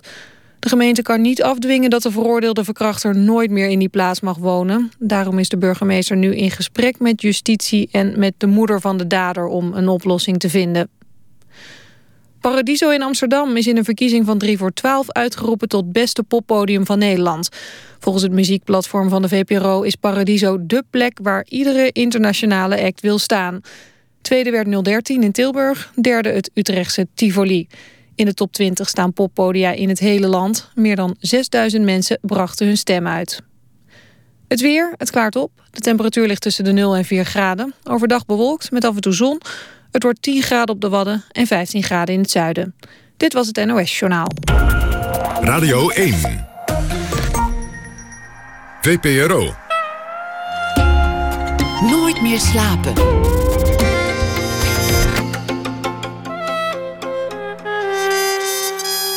Met Pieter van der Wielen. Welkom terug bij uh, de VPRO Nooit meer slapen. We zitten op Twitter, het VPRO NMS. We hebben ook een mailadres, niet heel verwonderlijk, maar ik noem hem nooit meer slapen, vpro.nl. Zometeen een gesprek met Pieter Steins. Hij is uh, ernstig ziek, maar heeft een groot project toch nog af weten te maken. Made in Europe, een uh, lofzang op de Europese cultuur. En uh, Anton de Goede die heeft straks uh, prijzen te verloten. Hij kijkt vooruit op de Boekenweek die zaterdag uh, begint. En het thema is dit jaar reizen. En een gestelde vraag van Anton kan leiden tot het winnen van deze prijs. Nou, dat klinkt heel veelbelovend. Thomas van Aalt is deze week de schrijver die elke dag voor ons een verhaal schrijft. Hij schreef al zeven romans: Coyote, De Schuldige en zijn laatste De Leeuwenstrijd. Boek van de maand volgens het boekenpanel van De Wereld Draait Door. Goedenacht, Thomas. Één van de vier boeken. Hè. Ik was een tip van het boekenpanel. Laten we niet uh, te veel mezelf op de borst kloppen. Ik moet je de basisbeginselen van de marketing nog bijbrengen, Thomas. Dat is namelijk dat je, dat je iets een klein beetje uit de context tilt... en, en dan net iets groter maakt en het opblaast. En, of, ja, nou ja, je mag het ook in tegen doen. Eén van de vier boeken van het boekenpanel van Precies. De Wereld Draait Door. Oké. Ja, nee, want ik werd al inderdaad ook al eerder... Vanavond op de vingers getikt door een van die panelleden. Niet, uh, ik werd niet op mijn vingers getikt, maar weer een ander die het namelijk hetzelfde riep. Dus daarom, ik wil geen... Uh, ik nee, niet nee, dat gaat aan jou kleven. Ja, precies. Je moet er niet aan denken. Ik, ik dacht dat ze alleen jouw boek hadden, hadden naar voren hadden geschoven. Dat, dat zijn er natuurlijk altijd vier die ze doen. Ja. Goed, we, we, dwalen enorm af en we waren nog niet eens begonnen... want ik wilde nee. graag weten waar we het vandaag over gingen hebben. Ja, dat is het uh, best wel triviale nieuwsfeitje van uh, die dame die toch niet haar stage mag lopen bij een um, producent van pornofilms, Kim Holland. Daar wil ik het, uh, ja, daar heb ik een verhaaltje naar niet. Van, van, wie, van wie mag ze daar geen stage lopen? Van de stagebegeleider? Nou, aanvankelijk van de stagebegeleider wel, maar toen is daar veel reuring over geweest. Hè. De AD heeft erover geschreven, Pauw News heeft erover een berichtje over gemaakt. En toen heeft uiteindelijk het college van bestuur besloten... ja, nee, dit past toch niet helemaal bij een onderwijsinstelling. En aanvankelijk had dus wel degelijk haar uh, stagebegeleider van in Holland zelf... die had het wel goedgekeurd. Maar het hangt er ook een beetje vanaf. Ik, ik heb dit verhaal nog niet gehoord. Hm. Maar uh, wat de opleiding is. Dus, dus waartoe de stage dient. Juist. Nou, en daar komen we gelijk bij het onderwerp. Het is de opleiding Media Entertainment Management. Um, dat is een, een, opleiding die is al eerder in het nieuws geweest... omdat daar mogelijk toen gefraudeerd was met uh, uh, ja, behaalde diploma's... of in elk geval vakken die met twee vingers in de neus gehaald werden. Dus ja, die opleiding uh, is al niet heel erg prettig in het, in het nieuws gekomen. En dan dit er ook nog weer even achterna. Wat dat betreft ja, zal daar de brandmanager ook wel druk doende zijn. Maar ja. ik, het sprak mij vooral aan omdat ik zelf natuurlijk ook lesgeef op de, mijn concurrerende opleiding van een andere hogeschool. En uh, ook bij een mediaopleiding. En wat mij opvalt, en dan uh, even heel kort en da daarna zal ik het verhaal vertellen, is dat die hele media- en entertainment wereld... kijk, vroeger was het zo dat quizzen of andere plekken waar BN'ers zich manifesteerden, dat waren... dingen waar jij je aan op omhoog kon trekken. Je keek er tegenop. Het was een wereld waar jij niet, geen deel van uitmaakte. En nu lijkt het wel omgedraaid. Die hele media- en entertainmentwereld is zo geïnfiltreerd in, uh, in ons dagelijks bestaan.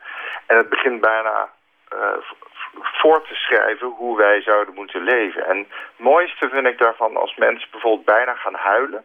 En dan je zie je steeds vaker dat mensen gaan wapperen met hun handen om de tranen tegen te gaan. Maar dat is eigenlijk zodat je make-up, je foundation voor de grim niet uitloopt. Maar sommige mensen hebben dat helemaal niet. En dat is typisch iets dat is overgewaaid van bijvoorbeeld een tv-show. En nu zie je, ja, Ja, ja, ik, ik snap hem. Maar goed, vroeger kon je ergens aan optrekken... en nu, die woordspeling ga ik niet, uh, niet maken dan. Maar de, de porno is, is toch uiteindelijk ook gewoon een industrie... waar heel veel geld wordt verdiend. En als jij wordt opgeleid tot de entertainmentindustrie... ja, ik, ik vind het ook een beetje moralistisch dat dat, dat niet mag. Nou, en uiteindelijk, hè, porno is wat dat betreft misschien nog wel eerlijker in zijn ruilheid, in zijn naaktheid letterlijk.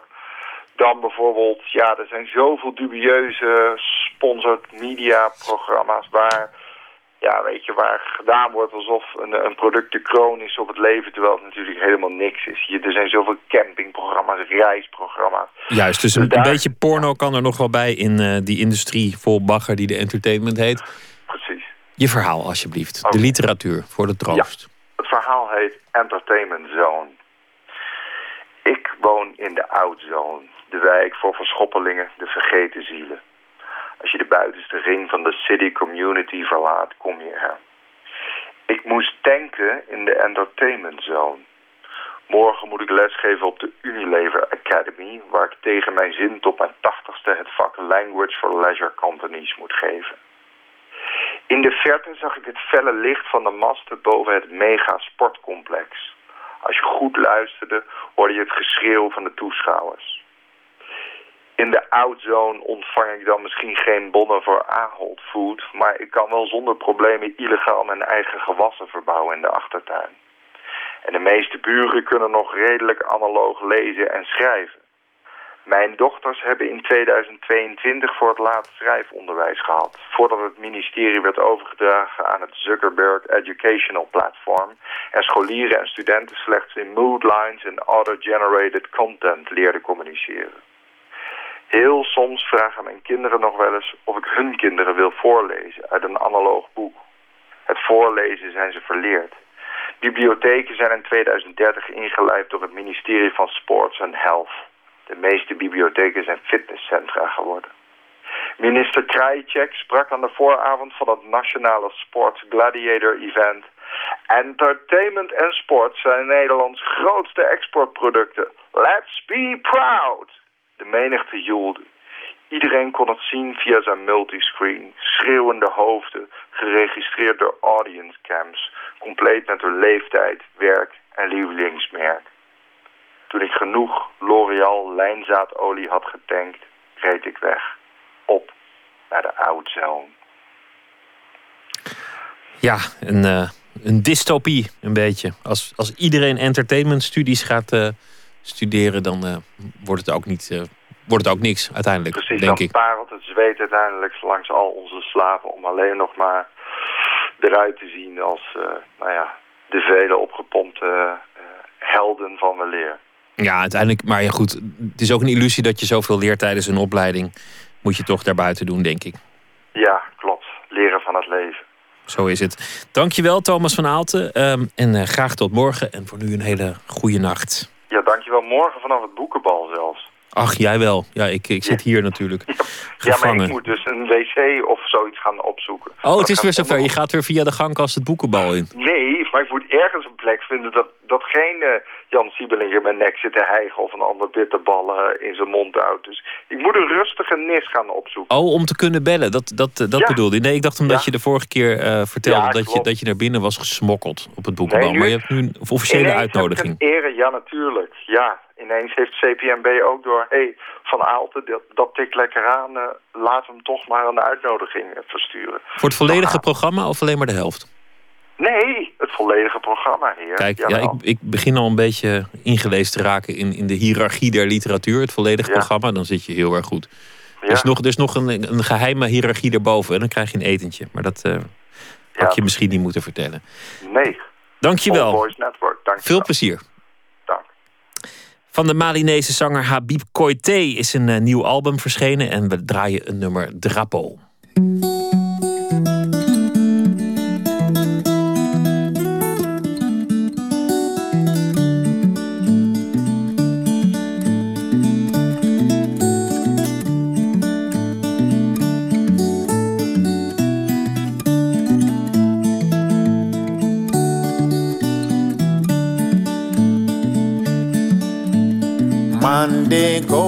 Jelle Mande kombe jelle Bamlumio Yela do dia beno.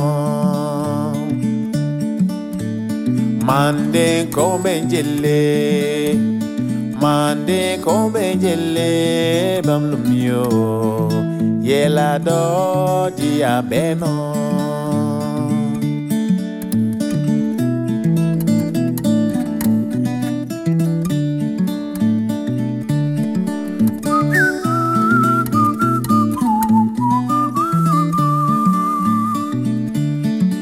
wagiyaye mali leto ye darapo wagiyaye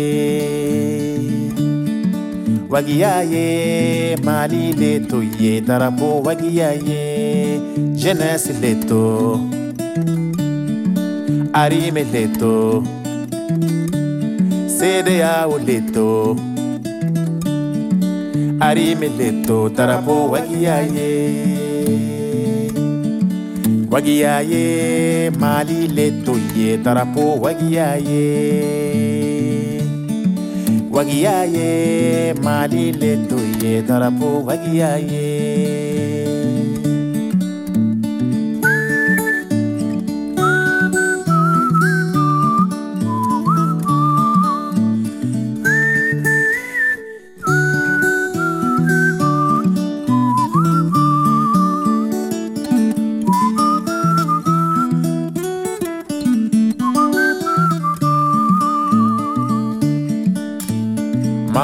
Mandeko Benjele Mandeko Benjele Bamlumio Yela Dodi Abeno mande Benjele Mandeko Benjele Bamlumio Yela Dodi Abeno Wagiaye malilito ye tara po wagiyaye. Wagiyaye malilito ye tara po wagiyaye.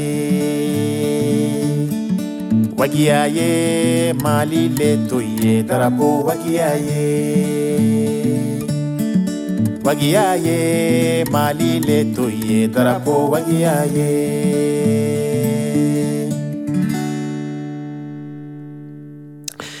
Aanstaande dinsdag treedt hij op in Amsterdam. Habib Koité uit Mali. Het nummer heette Drapo.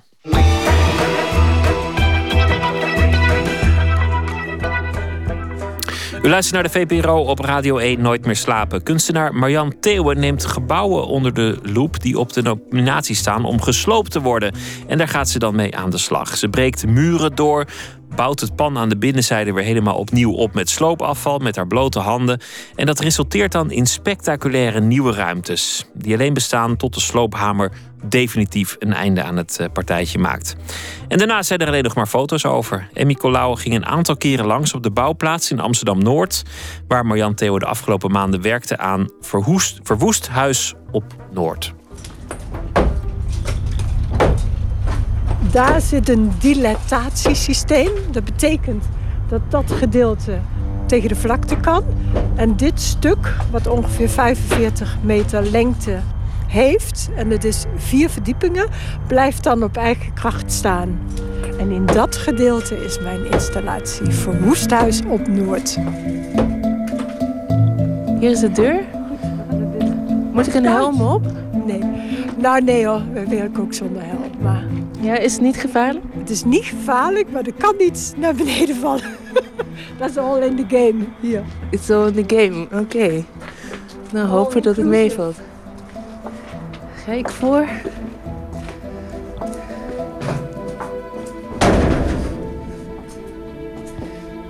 Nou ja, dit is de trappenhal en dat, eh, dat voert naar twee blokken appartementen.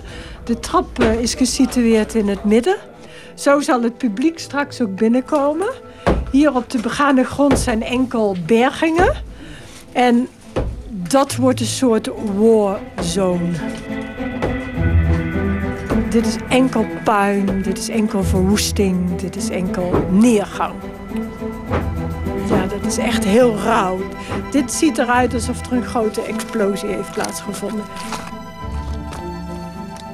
Die muurtjes ga ik allemaal half eh, wegkappen.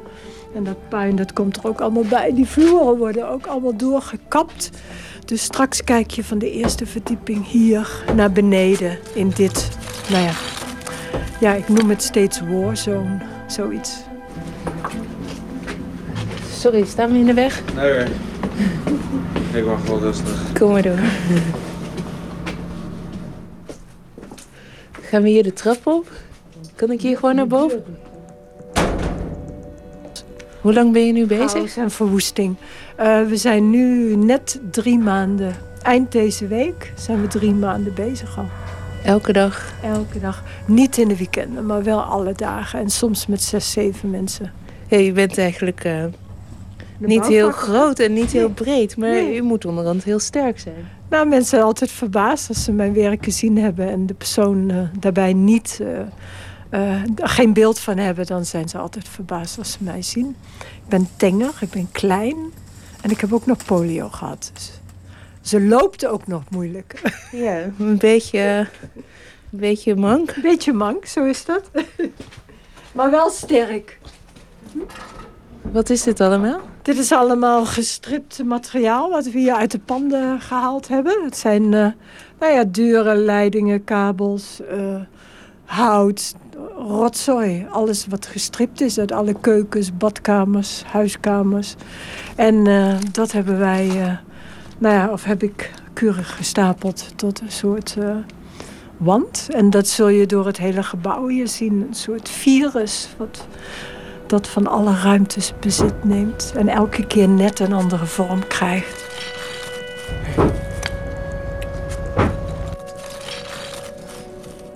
Het is chaotisch, maar toch ook netjes dit, hè? Ja, allebei. Het, het, is echt tussen chaos en orde in, zeg maar.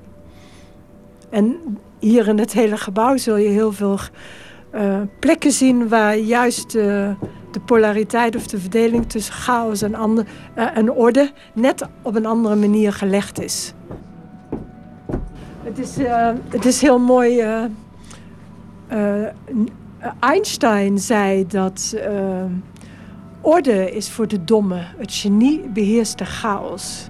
Maar chaos wordt ook vaak gelijkgesteld met, uh, ja, met, met totale vernietiging, met, met dood bijna. En ik denk ook bij ieder mens is dat uh, heel, heel verschillend. Hoeveel chaos sta je toe in je leven? Hoeveel chaos hanteer je? En nou, het is een ongelooflijk spannend thema eigenlijk. Een spannend gegeven die polariteit speelt in mijn werk een grote rol. Maar, en dat is voor mij ook gekoppeld aan, aan vallen en staan, opbouwen versus verwoesten. En nou, leven, dood. Dat, dat is toch allemaal nauw gerelateerd, die begrippen. Ik werk samen met een uh, constructeur. Die heeft een constructierapport uh, geschreven aan de hand van het plan wat ik hier heb. En nou ja, in mijn werk is het belangrijk dat ik. Uh, bedoel, als je hier binnenkomt, dan zie je heel veel kleine kamertjes. Hè? Maar je kunt nergens van de ene ruimte in de andere kijken. Het zijn echt white cubes. Hè? Gesloten, gesloten ruimtes. En ik vind het juist heel spannend om vloeren en, en wanden, gedeelten van, van vloeren en wanden uh, eruit te halen. Waardoor ik een nieuw perspectief creëren op de bestaande ruimte, zeg maar. De reden dat het bij mij ook een beetje desoriënterend werkt, is dat de ramen zijn uh, ja. verdwenen. Die, die zitten nu achter deze nieuwe geconstrueerde muren. Ja. Die, ik, ik wil eigenlijk dat je, of eigenlijk, ik wil gewoon dat je in deze ervaring blijft. En als je uh, door een raam naar buiten kijkt, dan, nou ja, dan zien we de wereld zoals die is, buiten. Hè? en ik probeer toch een uh, nieuwe ervaring te creëren. Ja, dat lukt, want het voelt alsof ik ja, op een plek ben waar ik nooit eerder ben geweest. En ja, ja. die ik ook niet thuis kan brengen of zo. Terwijl het tegelijkertijd zo bekend is. Want al dat puinafval, dat ken je wel van verbouwingen. En Er hangt hier ook zo'n sfeer van verbouwing. Met, met een generator voor de warmte en hier thermosflessen. En... Nou ja, dit is ons plekje om dan uh, thee te drinken en... Uh, ja, dat je je stoffige broodjes eet. stoffige broodjes eten doen we hier, ja. ja. Hier heb ik dus al hele grote sculpturen gebouwd. Je ziet dat deze heel minutieus uh, zijn opgebouwd uit latjes van uh, gipsplaten, aanrechten. Uh, nou ja, al het, al het demontabele materiaal wat uit die flits komt. Dit, dit zijn alle keukendeurtjes? Dit, dit zijn allemaal keukendeurtjes, plafondplaatjes, noem maar op. En die heeft Duizenden volgens heel mij. veel. Die heeft twee containers bij mij voor de deur gezet. En wij hebben die allemaal naar boven gesleept, verzaagd. En die zijn dus... Dus dit is echt orde. 250, 2 meter en nog een keer 250. 7 meter breed zijn de doorgangen. Het doet me bijna denken aan de boeg van een schip. Oké. Okay. Nou ja, dit, dit is een uh, enorme sculptuur inderdaad. Die is opgebouwd met uh, uh, nou ja, alle zijkanten van de deuren. Ja, dus al die deuren waar al die mannen en vrouwen met een kwastje een kleur nou, uitgezocht hebben. 50 jaar de deur dicht en open gemaakt hebben. Doe jij de deur even dicht als je naar de keuken gaat? Henk, nu heb je de deur weer niet dicht gedaan. heb je hem weer open laten staan. Dat ja. is uh, met al die deuren 50 jaar gebeurd, ja. Dat werken zelf. Wat levert u dat op? Nou, ik, ik, ik uh, ervaar als kunstenaar een nou ja, toch wel een vreugde aan het uh, fysieke werken. En ik hou heel erg van, nou ja, tot mijn grenzen gaan. Zowel in het werken fysiek, in de, in de arbeid zeg maar, maar ook uh, fysiek. Uh, wat is er mogelijk met het gebouw? Dus ja, ik, ik, ja, je bent zoals je bent, maar Ik bedoel, je, je bent heel moe, want wat je zegt, het is keihard werken. En dat, dat, ja, dat, dat, dat is ook een, een beleving. En ja, ik hou daar ook van, van fysiek hard werken. En dan is het vast ook wel eens oerzaai. Zo'n muur stapelen met al die uh, ja. troep, wou ik zeggen. Ja, het is ook het is rotzooi. Ik bedoel, het is puin. Um, het is, nou ja, saai saai zou ik dan niet het woord, is voor mij niet het woord. Maar ik, ik, uh, ik roep mezelf regelmatig tot de orde als ik te, te, te snel wil of dat het af moet of zo. Dat ik dan uh, een, een, houding, een meditatiehouding aanneem. En dat is eigenlijk de juiste attitude. Het is gewoon dom stapelen. Maar je blijft bij het moment en. Nou, in, in die houding vind, ja, is het ook gewoon heel, heel fijn om gewoon ja, iets onder je handen te zien uh, ontstaan. En ik krijg de kans om groot te mogen denken.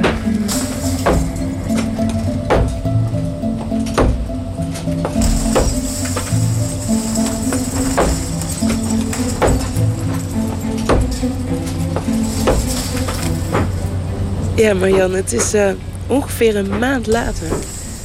Een maand nadat ik je voor de laatste keer sprak. Yes. Ja, het pand wat hier een maand geleden tegenover nog stond, is uh, zowat verdwenen, gesloopt. Hoe is het met jouw werk hier binnen? Nou, hier binnen is ook heel veel gesloopt. Dat zul je zo gaan zien. Vloeren zijn wand geworden. Vloeren hangen in een kruis. Vloeren zijn er uitgeslagen. En er is heel veel gestapeld. Oké, okay, ik hoor al iemand aan het werk hier achter deze muur. Kunnen we naar binnen? We kunnen hier naar binnen. Ja, de entree is al anders. Ja, wat zie je? Aan twee kanten sloopafval. Sloop. We zijn nu alle wandjes eruit aan het slaan. Ja, door een man met een grote hamer. en, en een uh, bewasemde bril. Hop. Het is hard werken, of niet? Ja, veel zweten. Verslagen bril. ik zie niet veel meer, maar...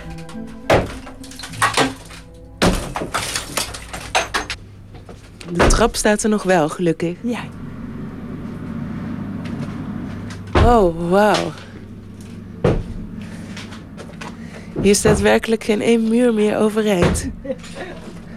En het meest opvallende... Ja?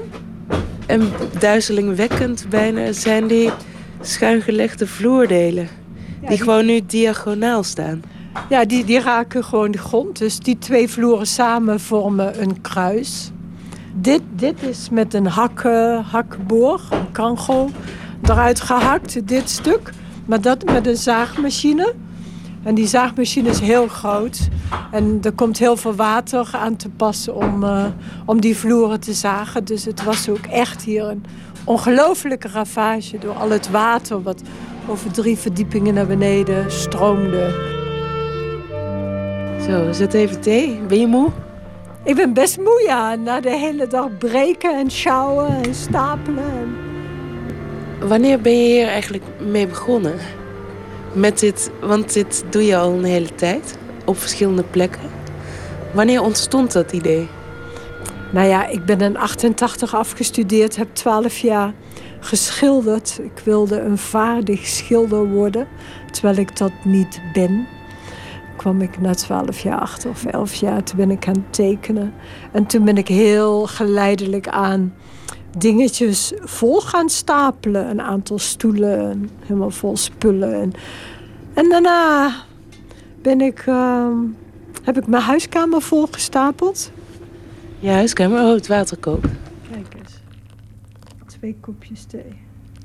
Twee kopjes thee uit een plastic beker, zoals dat hoort, op de bouw. Zo is het. Maar je hebt je huiskamer volgestapeld. Toen heb ik mijn huiskamer volgestapeld. Met wat? Met allemaal spullen uit mijn huis en spullen bij vrienden. En alles ging... Uh, ja, eigenlijk was ik toch nog steeds een beetje die schilder. Dus ik schilderde alleen niet meer met verf, maar ik schilderde met spullen. En nou, dat beviel me heel goed. En toen heb ik in een van die ruimtes in mijn huis een doorgezakt plafonnetje getimmerd. En daarna dacht ik, ja maar Marjan, waarom ga je niet gewoon in een gebouw een plafond eruit halen of laten zakken. Toen heb ik in 2006 de eerste uh, woning uh, onder handen genomen. Begrijp ik het goed dan dat het in de eerste instantie uit praktische overwegingen was? Want ja, bij mij in mijn huis zou ik niet zomaar zeggen... nou Marjan, ga maar wat plafonnetjes eruit slopen. Ja, nee, dat soort dingen doe je gewoon niet in je eigen huis... en niet in andermans huis. Dus dat gaat dan toch altijd om panden die daarna worden afgebroken. Die gesloopt worden. En dit was een snackbar met een woonhuis erbij... En uh, ik weet nog wel de opwinding van het eerste gat wat in die vloer geslagen werd.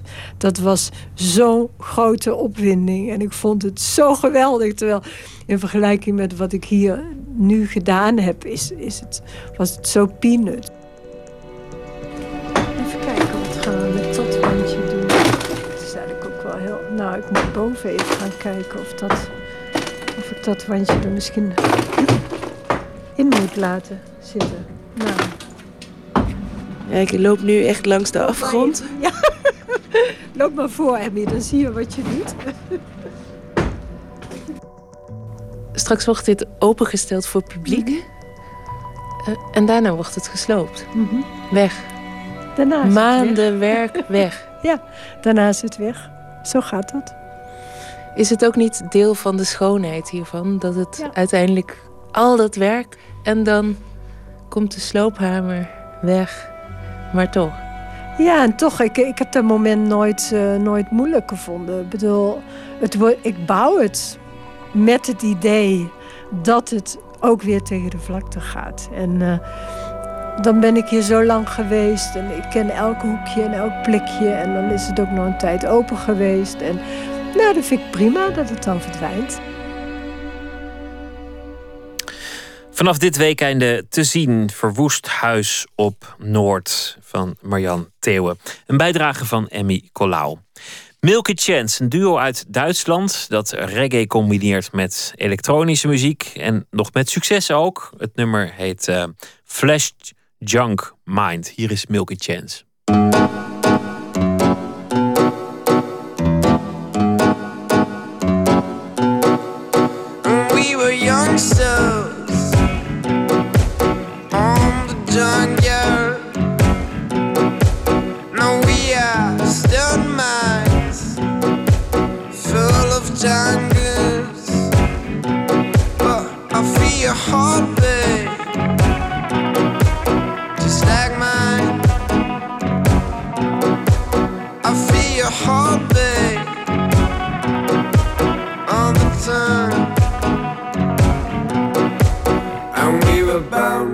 City life. Flashlights when we fall into the night. Focused on what you feel. Just when you were calling a love that died. And we were bound to the city life. Flashlights when we fall into the night. Focused on what you feel. When you were calling a love that. I, I, I, I.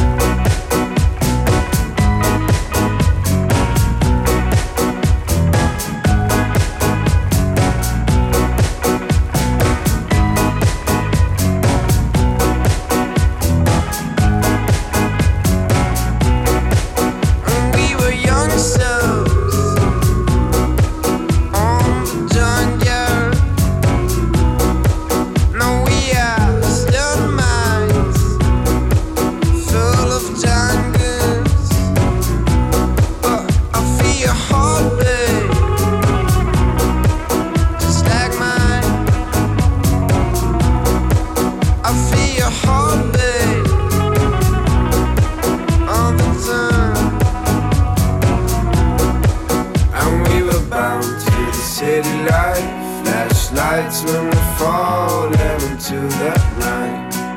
Fell with stone, wash your fear. Just when you were calling a love that day. And we were bound to the city light. Flashlights when we fall down into that night. Fell with stone, wash your fear. Just when you were calling a love that. I, I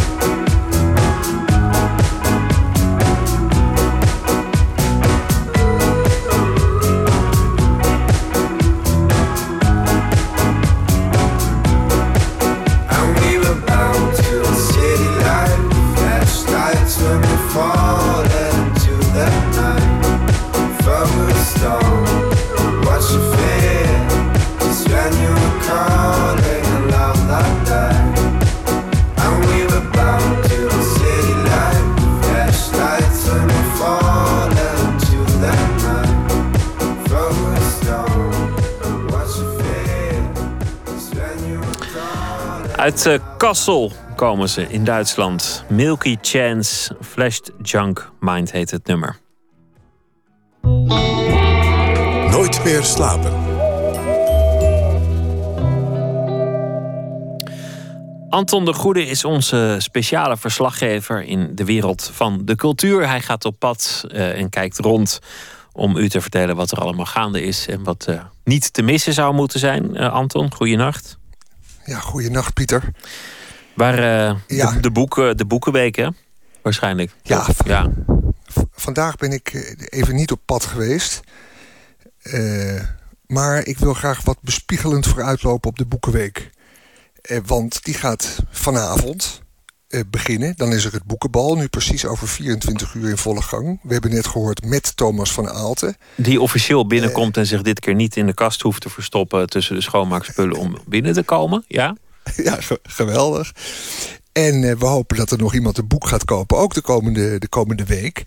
Eh, want hoe gaat dat dan? Overal duikt het fenomeen boek op, zoals in de VPRO-gids... waar weer de jaarlijkse boekenquiz in staat... die ook trouwens dit jaar weer enorm pittig is. Eh, en traditiegetrouw is er ook weer een thema van de Boekenweek... en dat thema is dit keer reizen.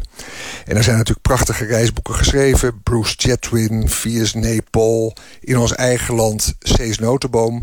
De ongekroonde koning bij ons. En toevallig schreef Oek de Jong in NRC Handelsblad... dat hier nu voor me ligt van de afgelopen avond... dat hij vindt dat sommige schrijvers hun romans aantrekkelijk proberen te maken... door ze in verre buitenlanden te situeren. Maar dat die boeken daar natuurlijk helemaal niet per se beter van worden.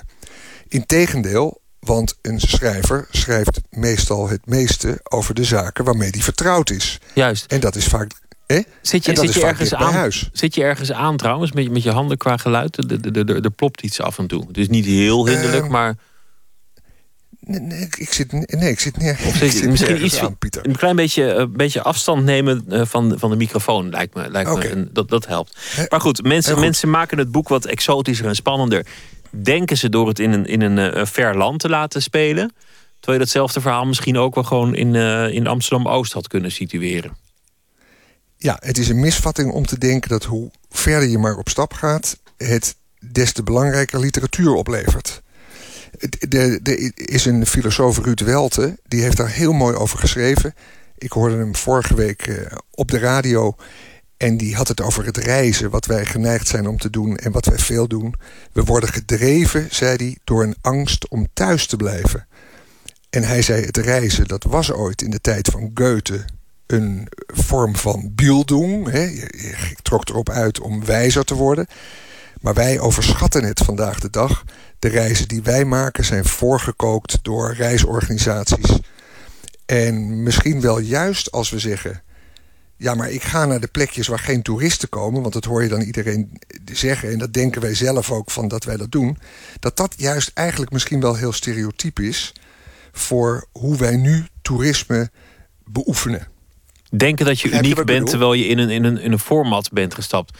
Ik, ik hou altijd heel erg van, van reisgidsen. Ook als ik helemaal niet naar die plek toe ga. Om, omdat die, dat die eigenlijk die unieke ervaring uh, beloven. Namelijk van, nou in dit restaurant, daar, daar staat, uh, staat Mario te koken. Dat is zo'n bijzondere man. En dan zitten daar dus ja. in het restaurant wel zes man te wachten tot Mario iets bijzonders zegt. Nou, daar wil ik naartoe. Er is een literair tijdschrift dat heet De Parelduiker. Komt een nieuw nummer aan komende zaterdag. En dat gaat eigenlijk over de keerzijde van het reizen. Eigenlijk het niet reizen. Een beetje met die gedachte die jij net uitsprak. Uh, lezen is bij uitstek reizen in je hoofd. Ik kreeg al een, uh, een vooruitblik in dat tijdschrift. En ik dacht, weet je wat, we maken er een kleine prijsvraag van. Het is toch de week van de quizzen en van, de, van het boekenbal. Ik ga een fragment lezen uit dat tijdschrift dat nog moet komen.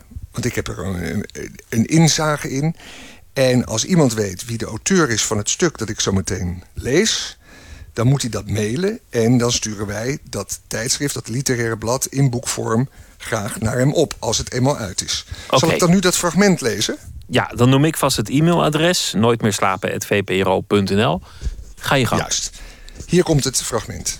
Het is overigens uit 1952. Het is van een Nederlandse schrijver. Reizen zoals men een boek leest bestaat niet meer.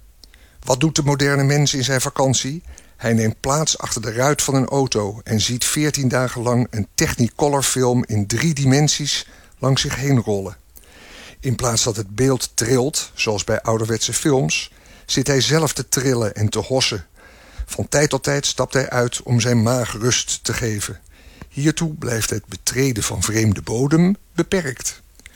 Ook laat hij zich opdrijven door musea en kerken, waar hij nooit meer van gehoord heeft dan hoogstens de naam, waarvan hij, teruggekomen van zijn reis, ook niets meer dan hoogstens die naam en dat het mooi was weet te vertellen. Hij houdt geen dagboek bij, hij doet geen indrukken op, hij laat zich over de weg zeulen alsof hij ervoor betaald werd, terwijl hij er zelf voor betaalt. De tijd dat reizen nuttig heette voor iemands ontwikkeling is al lang voorbij. 99 van de 100 mensen die op reis gaan hebben al zorgen genoeg aan het hoofd. Ze willen helemaal niet ontwikkeld worden. Zo komt ook de ware reiziger terug als nauwelijks iets meer dan het zoveelste slachtoffer van de lamachtige oppervlakkigheid der toeristenindustrie slaat een reisbeschrijving op van het land waar hij zojuist is geweest en wordt zich bewust van alles wat hij heeft gemist. Nou, dat is toch een prachtig pleidooi voor het lezen, vind je niet? Ja, en, en ook voor het, uh, voor het thuisblijven of in ieder geval niet zo plechtig doen over het uh, reizen. Dus de, de vraag was, uh, wat was dit voor fragment? En dan win je uh, wat, wat win je eigenlijk, een reis of, of ja, uh, tijdschrift? Nou nee, dan gaan we, dan gaan we, dat tijdschrift gaan we dan uh, opsturen. Okay. sturen een mailtje naar, naar nooitmeerslapen.vpro.nl. Zal ik het heel makkelijk maken, met een, met een extra hint? Ja, nou ja, waarom ook niet? De schrijver van het stuk is dezelfde die een boek schreef... met een titel die gelijk is aan de naam van dit programma. Oké, okay, nou, dan, als je het dan niet weet dan, uh, dan, dan zal je waarschijnlijk dat tijdschrift ook niet, uh, niet uh, doorgeploegd krijgen. Anton okay. de Goede, dankjewel en een hele goede nacht. We gaan luisteren naar India Arie. New Soul heette de stroming. In de jaren 2000 was dat. En het nummer dat we luisteren heet Brown Skin.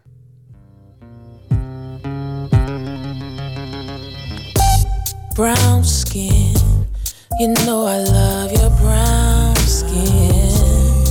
I can't tell where yours begins. I can't tell where mine is. Brown skin up against my brown skin. Need some every now and then. No, yeah. Where are your people from? Maybe Mississippi or an island. Apparently, your skin has been kissed by the sun. You make me want a Hershey's kiss, your licorice. Every time I see your lips, it makes me think of honey coated chocolate. Your kisses are worth more than gold to me. I'll be your almond joy, you'll be my sugar daddy brown skin. You know I love your brown skin. I can't tell where yours begins. I can't tell where mine is. Brown skin up against my brown skin. Need some every now and then.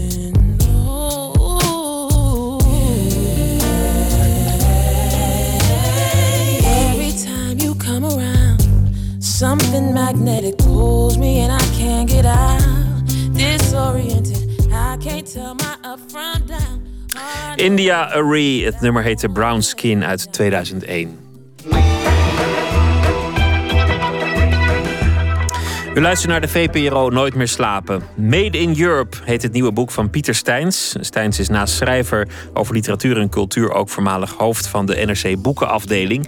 Het is een onbeschaamd pro-Europees betoog door middel van de cultuur die ons Europeanen bindt. De Rietveldstoel, Cicero, het humanisme, Lego, noem maar op. Niet gebonden aan grenzen en allemaal heel erg Europees. Als je de eurosceptici aller landen mag geloven, komt er niets goeds uit Europa. Geloof, hoop en goede voorbeelden zouden we moeten putten uit de nationale cultuur en de nationale tradities. Van het Aalster carnaval tot Zwarte Piet. Maar er is genoeg moois uit het continent dat grensoverschrijdend is. Genoeg pan-Europees cultuurgoed waarop alle Europeanen trots kunnen zijn. Daarover gaat dit boek. In iets meer dan 100 hoofdstukken probeer ik een overzicht te geven van de kunst die door Europeanen gedeeld wordt. Een monter alternatief voor de politieke en economische instellingen waarbij de meeste mensen het op een gapen zetten. Zo begint Pieter Steins zijn boek Made in Europe. Maar met dat gapen valt het in dit boek behoorlijk mee. Of het nou James Bond, Nijntje of de minirok is, het enthousiasme spat er bij Steins vanaf. Soms krijg je het idee dat hij vooral zijn eigen liefhebberijen in het boek heeft geperst. Maar dat weerspreekt hij. Voor we hem laten antwoorden is het goed te weten dat Pieter Steins lijdt aan de spierziekte ALS, die zijn spraakvermogen ernstig beperkt. Zijn vrouw Klaartje zit naast hem om haar man bij het interview te ondersteunen. Nou, dat ter verduidelijking, maar terug naar de vraag. Hoe persoonlijk is deze lijst vol culturele schatten?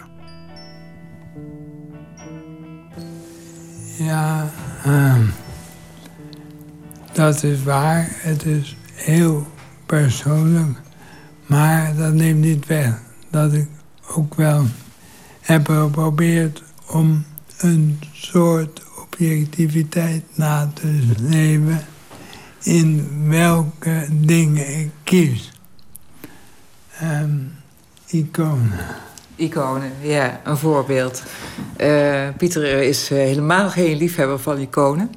Eh, veel te veel goud. En eh, ik vond eigenlijk toch wel dat die iconen ehm, als kunst, eh, Europese kunstuiting in het boek moesten komen.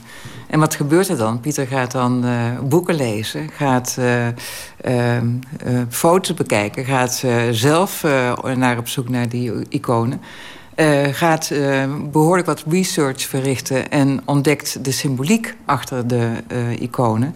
En vindt plotseling die iconen toch wel heel erg interessant. Nog steeds zit er wat hem betreft eh, te veel goud eh, op. Maar uh, ze zijn zeker heel erg de moeite waard geworden. Ehm, het, het, grappige is dat hij in het boek heeft hij die iconen besproken aan de hand van één icoon. En dat is de zwarte Madonna van en dan moet ik eventjes... Uh, Shestokovic. Kova. Kova, ja. Uh, en dat wordt heel goed beschreven en dat, uh, dat maakt het juist zo leuk. En het was ook een, uh, overigens vrij interactief, deze keuze. De, de, keuze is natuurlijk voornamelijk gemaakt door Pieter.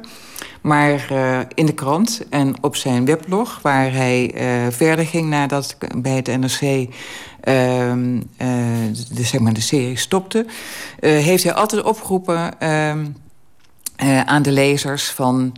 Uh, vertel wat er. Uh, kijk naar de groslijst en kijk wat er nog zou in, in, zou moeten naar uw idee. En hij heeft een groot aantal ideeën uh, overgenomen. En ook soms werd hij gecorrigeerd en dat werd dan ook gedaan. Dus het is een vrij interactief boek geworden.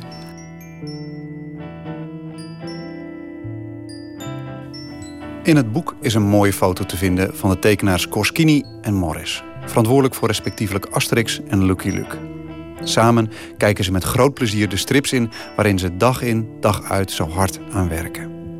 Die foto vind ik tekenend voor het boek. Wat vooral overeind blijft bij het lezen is een onstuitbaar enthousiasme. Een enorme liefde om het allemaal maar aan de mensen over te brengen. Steins noemt zichzelf een gemankeerd docent. En dat ben ik wel een beetje met hem eens. Zijn vrouw Klaartje springt echterbij. Nou, gemankeerd niet, maar uh, hij is gewoon een uh, op en top uh, overdrager van kennis. En, maar het grappige, ik moest lachen omdat we vanmiddag een brief kregen... waarin werd gezegd dat Pieter gewoon voor deze persoon, en al een ouder iemand... al meer dan twintig jaar zijn leermeester is door de literatuur en de kunst. En hij vergeleek Pieter met zijn hoogleraar Duby die, waar hij een college van had gehad, ik meen in, uh, in Nijmegen. Die uh, fantastisch college gaf. En Pieter was voor hem ook zo iemand. En hij vond dat een ongelooflijk compliment, geloof ik, dat hij wilde maken. En ja, er werd ook gezegd, uh, afgelopen zondag was er natuurlijk in Paradiso de verschijning van de publicatie van het boek, de presentatie. En daarnaast kreeg Pieter ehm, toevallig, dat was niet voor dit boek, dat is een beetje verwarrend, maar voor eigenlijk, ja, als een, zoals een hele oeuvre en met name voor lezen, et cetera en uh, Marita Matthijssen zei toen van... Uh, uh, Pieter draagt nooit uit, is nooit zo van Hotel van... hey, heb je dit boek niet gelezen? Nee, ze zei van, je hebt altijd het idee bij Pieter van... goh, wat doe jij mij een plezier dat jij het boek leest... wat ik je aan heb geraden. Daar doe je me een enorm plezier mee. En dat vond ik echt heel erg treffend. Pieter wil niet anders dan... waar hij van houdt, wil hij ontzettend graag delen met anderen. Dat is zijn uitgangspunt. Om een voorbeeld te geven is um, punk. Um, en daar wil ik misschien daar nog wel eens over zeggen... over uh, wat voor belangrijk boek dit is voor alle docenten. Maar punk is jeugdcultuur. En uh, we hebben dance en uh, de dancefestival Tiesto en Armin van Buren. En um, punk die, die uh, is, is uh, direct te herleiden tot Dada, de kunstbeweging uit 1910-1920. Dat zijn natuurlijk hele leuke feiten om dat aan, aan leerlingen, aan nou ja, studenten duidelijk te kunnen maken door een docent die dat op een, ja, op een hele goede manier uit dit boek kan halen en daar heel veel voorbeelden uit kan putten. Um, ik noem de, um, de dansbeweging uh, heel erg sterk teruggrijpend naar krachtwerk. He, een, uh, groep, een Duitse groep uit de jaren 70, begin jaren 70, die uh, helemaal gebruik maakt van elektronische muziek en synthesizers. En uh, nou, waarschijnlijk bij de meeste jongeren volstrekt onbekend. Maar heel duidelijk is de huidige dancebeweging, jeugd, de, de, de muziekstroming waar onze huidige jeugd zich mee bezighoudt, voornamelijk terug te leiden tot krachtwerk. Je noemt daar uh, jongeren die het hè, zouden kunnen leren. Maar ik zat te denken, nou, volgens mij zijn er, uh, zullen er zat volwassen lezers zijn die even goed aangenaam verrast zullen zijn. Ik denk helemaal niet in die zin dat, het, dat je het voor... dat als je het alleen voor leerlingen zou inzetten... dan zou je zou je, uh, denk ik, heel veel volwassenen... en daar val ik zelf ook onder, flink overschatten. Ja, dat is waar. Maar uh, toevallig werd het, uh, waarschijnlijk door het educatieve karakter van dit boek... werd het, werd het plotseling werd er over gezegd van... nou, dit is het ideale boek voor scholieren. Toen zei ik van, nou, ik zou het hopen dat dit een boek was, zou zijn voor scholieren. Want ze kunnen, dit is toch wel een beetje nog te, te hoog gegrepen. Nee, er zit nog veel meer in natuurlijk. De romantiek wordt ongelooflijk goed uitgelegd aan het beroemde werk van van heer, um, nou moet ik even zeggen, de wanderer, aan de Neelmeer. Uh, van Caspar David Friedrich. Um, dat is fantastisch mooi uh, door Pieter verteld. Hij vertelt heel erg goed hoe uh, Art Nouveau in de verschillende landen eigenlijk tot uiting komt. in verschillende namen. Hè, Sla-oliestijl, Jugendstil, Art Nouveau, Liberty, Stil Modern. Uh, en ja, trekt het dan door naar uh, Tiffany in, uh, in Amerika. Dus het is helemaal verspreid over de hele wereld. Maar het is wel ontstaan in, in Europa. Wanneer zou het boek in zijn opzet geslaagd zijn? Ik heb wel een ontzettend, ontzettend, leuke anekdote... die ik voor twee dagen geleden van een vriendin hoorde... Die, die bij het symposium was... En zij had het boek uh, gekocht en het ligt op tafel.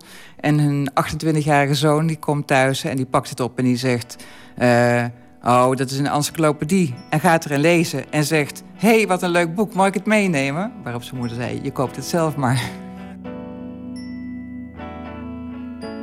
In Made in Europe is het vooral de liefde voor de kunsten die spreekt. Buiten het boek wordt die liefde echter minder sterk beleden. Op kunst en cultuur wordt bezuinigd en wordt het vooral als een soort luxe linkse hobby gezien. Volgens Steins is dat omdat nog steeds te weinig duidelijk wordt gemaakt hoezeer kunst direct met ons eigen bestaan te maken heeft. Hoe alles in ons leven vol met echo's uit het verleden zit. Hoe alles naar alles verwijst. In zijn loopbaan heeft Pieter zich altijd als de enthousiaste leraar opgesteld. Mensen voor zich proberen te winnen, mensen geïnteresseerd te raken. Iets dat volgens zijn vrouw hard nodig is. En tegelijkertijd denk ik ook natuurlijk dat uh, kunst en cultuur uh, vroeger gezien werd voor de happy view. En dat mensen zich daar, uh, dat is misschien wel een soort angst. Hè? Dat ze denken, oh dat is niet voor mij bestemd. Terwijl ze zich dan beperken door zich af te sluiten voor wat, wat heel dicht bij, bij ze is. Um, ik wil wel eigenlijk een voorbeeld geven van um, wat Pieter um, in het boek um, beschrijft. Uh, naar aanleiding van de Italiaanse mode en vormgeving uh, legt hij iets uit. En ik denk dat dat voor heel veel mensen dan aans aanspreekbaar is. Dat ze begrijpen, oh ja, daar gaat het over. Zal ik dat even voorlezen? Ja? Dit gaat naar aanleiding uh, over het lemma Italiaanse mode en vormgeving. En dan heeft hij natuurlijk de twee uh, grote Italiaanse namen heeft hij eruit gehaald, Prada en Gucci. En de titel van het uh, lemma heet dus ook de luxe accessoires van Prada en Gucci. In de hemel zijn de Duitsers de mechaniciens, de Fransen de koks, de Italianen de minnaars, de Zwitsers de politici en de Britten de politieagenten. In de hel doen de Fransen de reparaties, vormen de Duitsers de politie, runnen de Engelsen de restaurants, wordt de politiek bevolgd door Italianen en ben je voor de liefde aangewezen op de Zwitsers. Het is een mop met een baard, maar wel een die tot nadenken stemt. Want hoe zou de Europese hemel er werkelijk uitzien? Waarschijnlijk is de humor er Brits, net als het theater. De filosofie Duits of Grieks en de poëzie Russisch. De keuken Frans en de literatuur Iers of Midden-Europees. De meubels zijn Scandinavisch, de strip Belgisch en de schilderijen Hollands. De klassieke muziek is Oostenrijks en het voetbal Spaans. En de mode, die zou Brits of Frans kunnen zijn, maar bij voorkeur Italiaans. De ziekte ALS heeft een verlammend effect en het praten wordt steeds moeilijker voor Steins. Ik vroeg hem of hij door zijn ziekte zich nog sterker bewust is van de kracht van het geschreven woord. Uh, Pieter heeft natuurlijk altijd heel veel geschreven. Hij is altijd uh, uh, journalist geweest als journalist. Hij is redacteur geweest bij de NRC voor het cultureel supplement. En de laatste jaren was hij chef van de boekenredactie. Dus hij heeft heel veel geschreven, veel interviews afgenomen, veel grote stukken geschreven. dus aanvankelijk was schrijven zijn hoofdtaak. En vanuit dat schrijven en de boeken die hij heeft geschreven, dat zijn er inmiddels al een tiental, uh, kwamen, kwamen de verzoeken om lezingen te geven. En dat was natuurlijk altijd ongelooflijk leuk om te doen. In, uh, ik moet je zeggen, ik ging eigenlijk altijd mee. En ook als ik een verhaal misschien tien keer gehoord had... het was elke keer wel anders en ik vond het steeds weer erg leuk. Want dat is wel heel erg jammer. Maar Pieter was natuurlijk wel een ongelooflijk goede spreker. Met, uh, ook met heel veel humor. En mensen waren altijd ja, heel erg uh, enthousiast. En dat is natuurlijk wel ja, heel pijnlijk dat Pieter nu juist getroffen is door die, uh, deze ziekte. Waarbij hè, de, hij de Bulbair variant heeft, waardoor zijn spraak ja, langzaam uh, weggaat. en dat is, dat is heel ja, hard. Maar het schrijven is eigenlijk al, dat doet hij al 30 jaar. Ik zal, ik zal het niet te larmoyant maken, maar ik zei het al voordat de microfoon aanging. Het is niet makkelijk om oh, zo'n interview nu te doen. Dan kan ik me voorstellen dat, dat, eh, dat het, het uit, als het uitdrukken in woorden in, door gesproken wordt moeilijk is... dat dan juist het type nog een, een extra... dat er nog wat extra kracht uh, van uitgaat. Dat was ook eigenlijk wat ik met die vraag bedoelde. Ik, ik weet niet of dat zo voor je voelt of niet. Nee, um, ik heb altijd als ik achter het scherm heen zitten... Uh, gesteefd om op te schrijven waarvan ik dacht... dit is hoe ik, hoe ik het perfect vind. Het is wel zo dat schrijven over heel korte tijd... mijn enige lifeline naar de buitenwereld zal zijn. En dan eh, betekent dat ik me nog meer bewust ben van het unieke van het kunnen schrijven.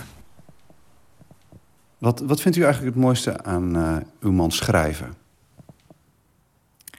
Zijn enthousiasme, zijn stijl, zijn humor, zijn ongelooflijke kennis. En ja, zijn persoonlijkheid erin. Ik vind zijn persoonlijkheid daarin terug. Dat vind ik het mooiste.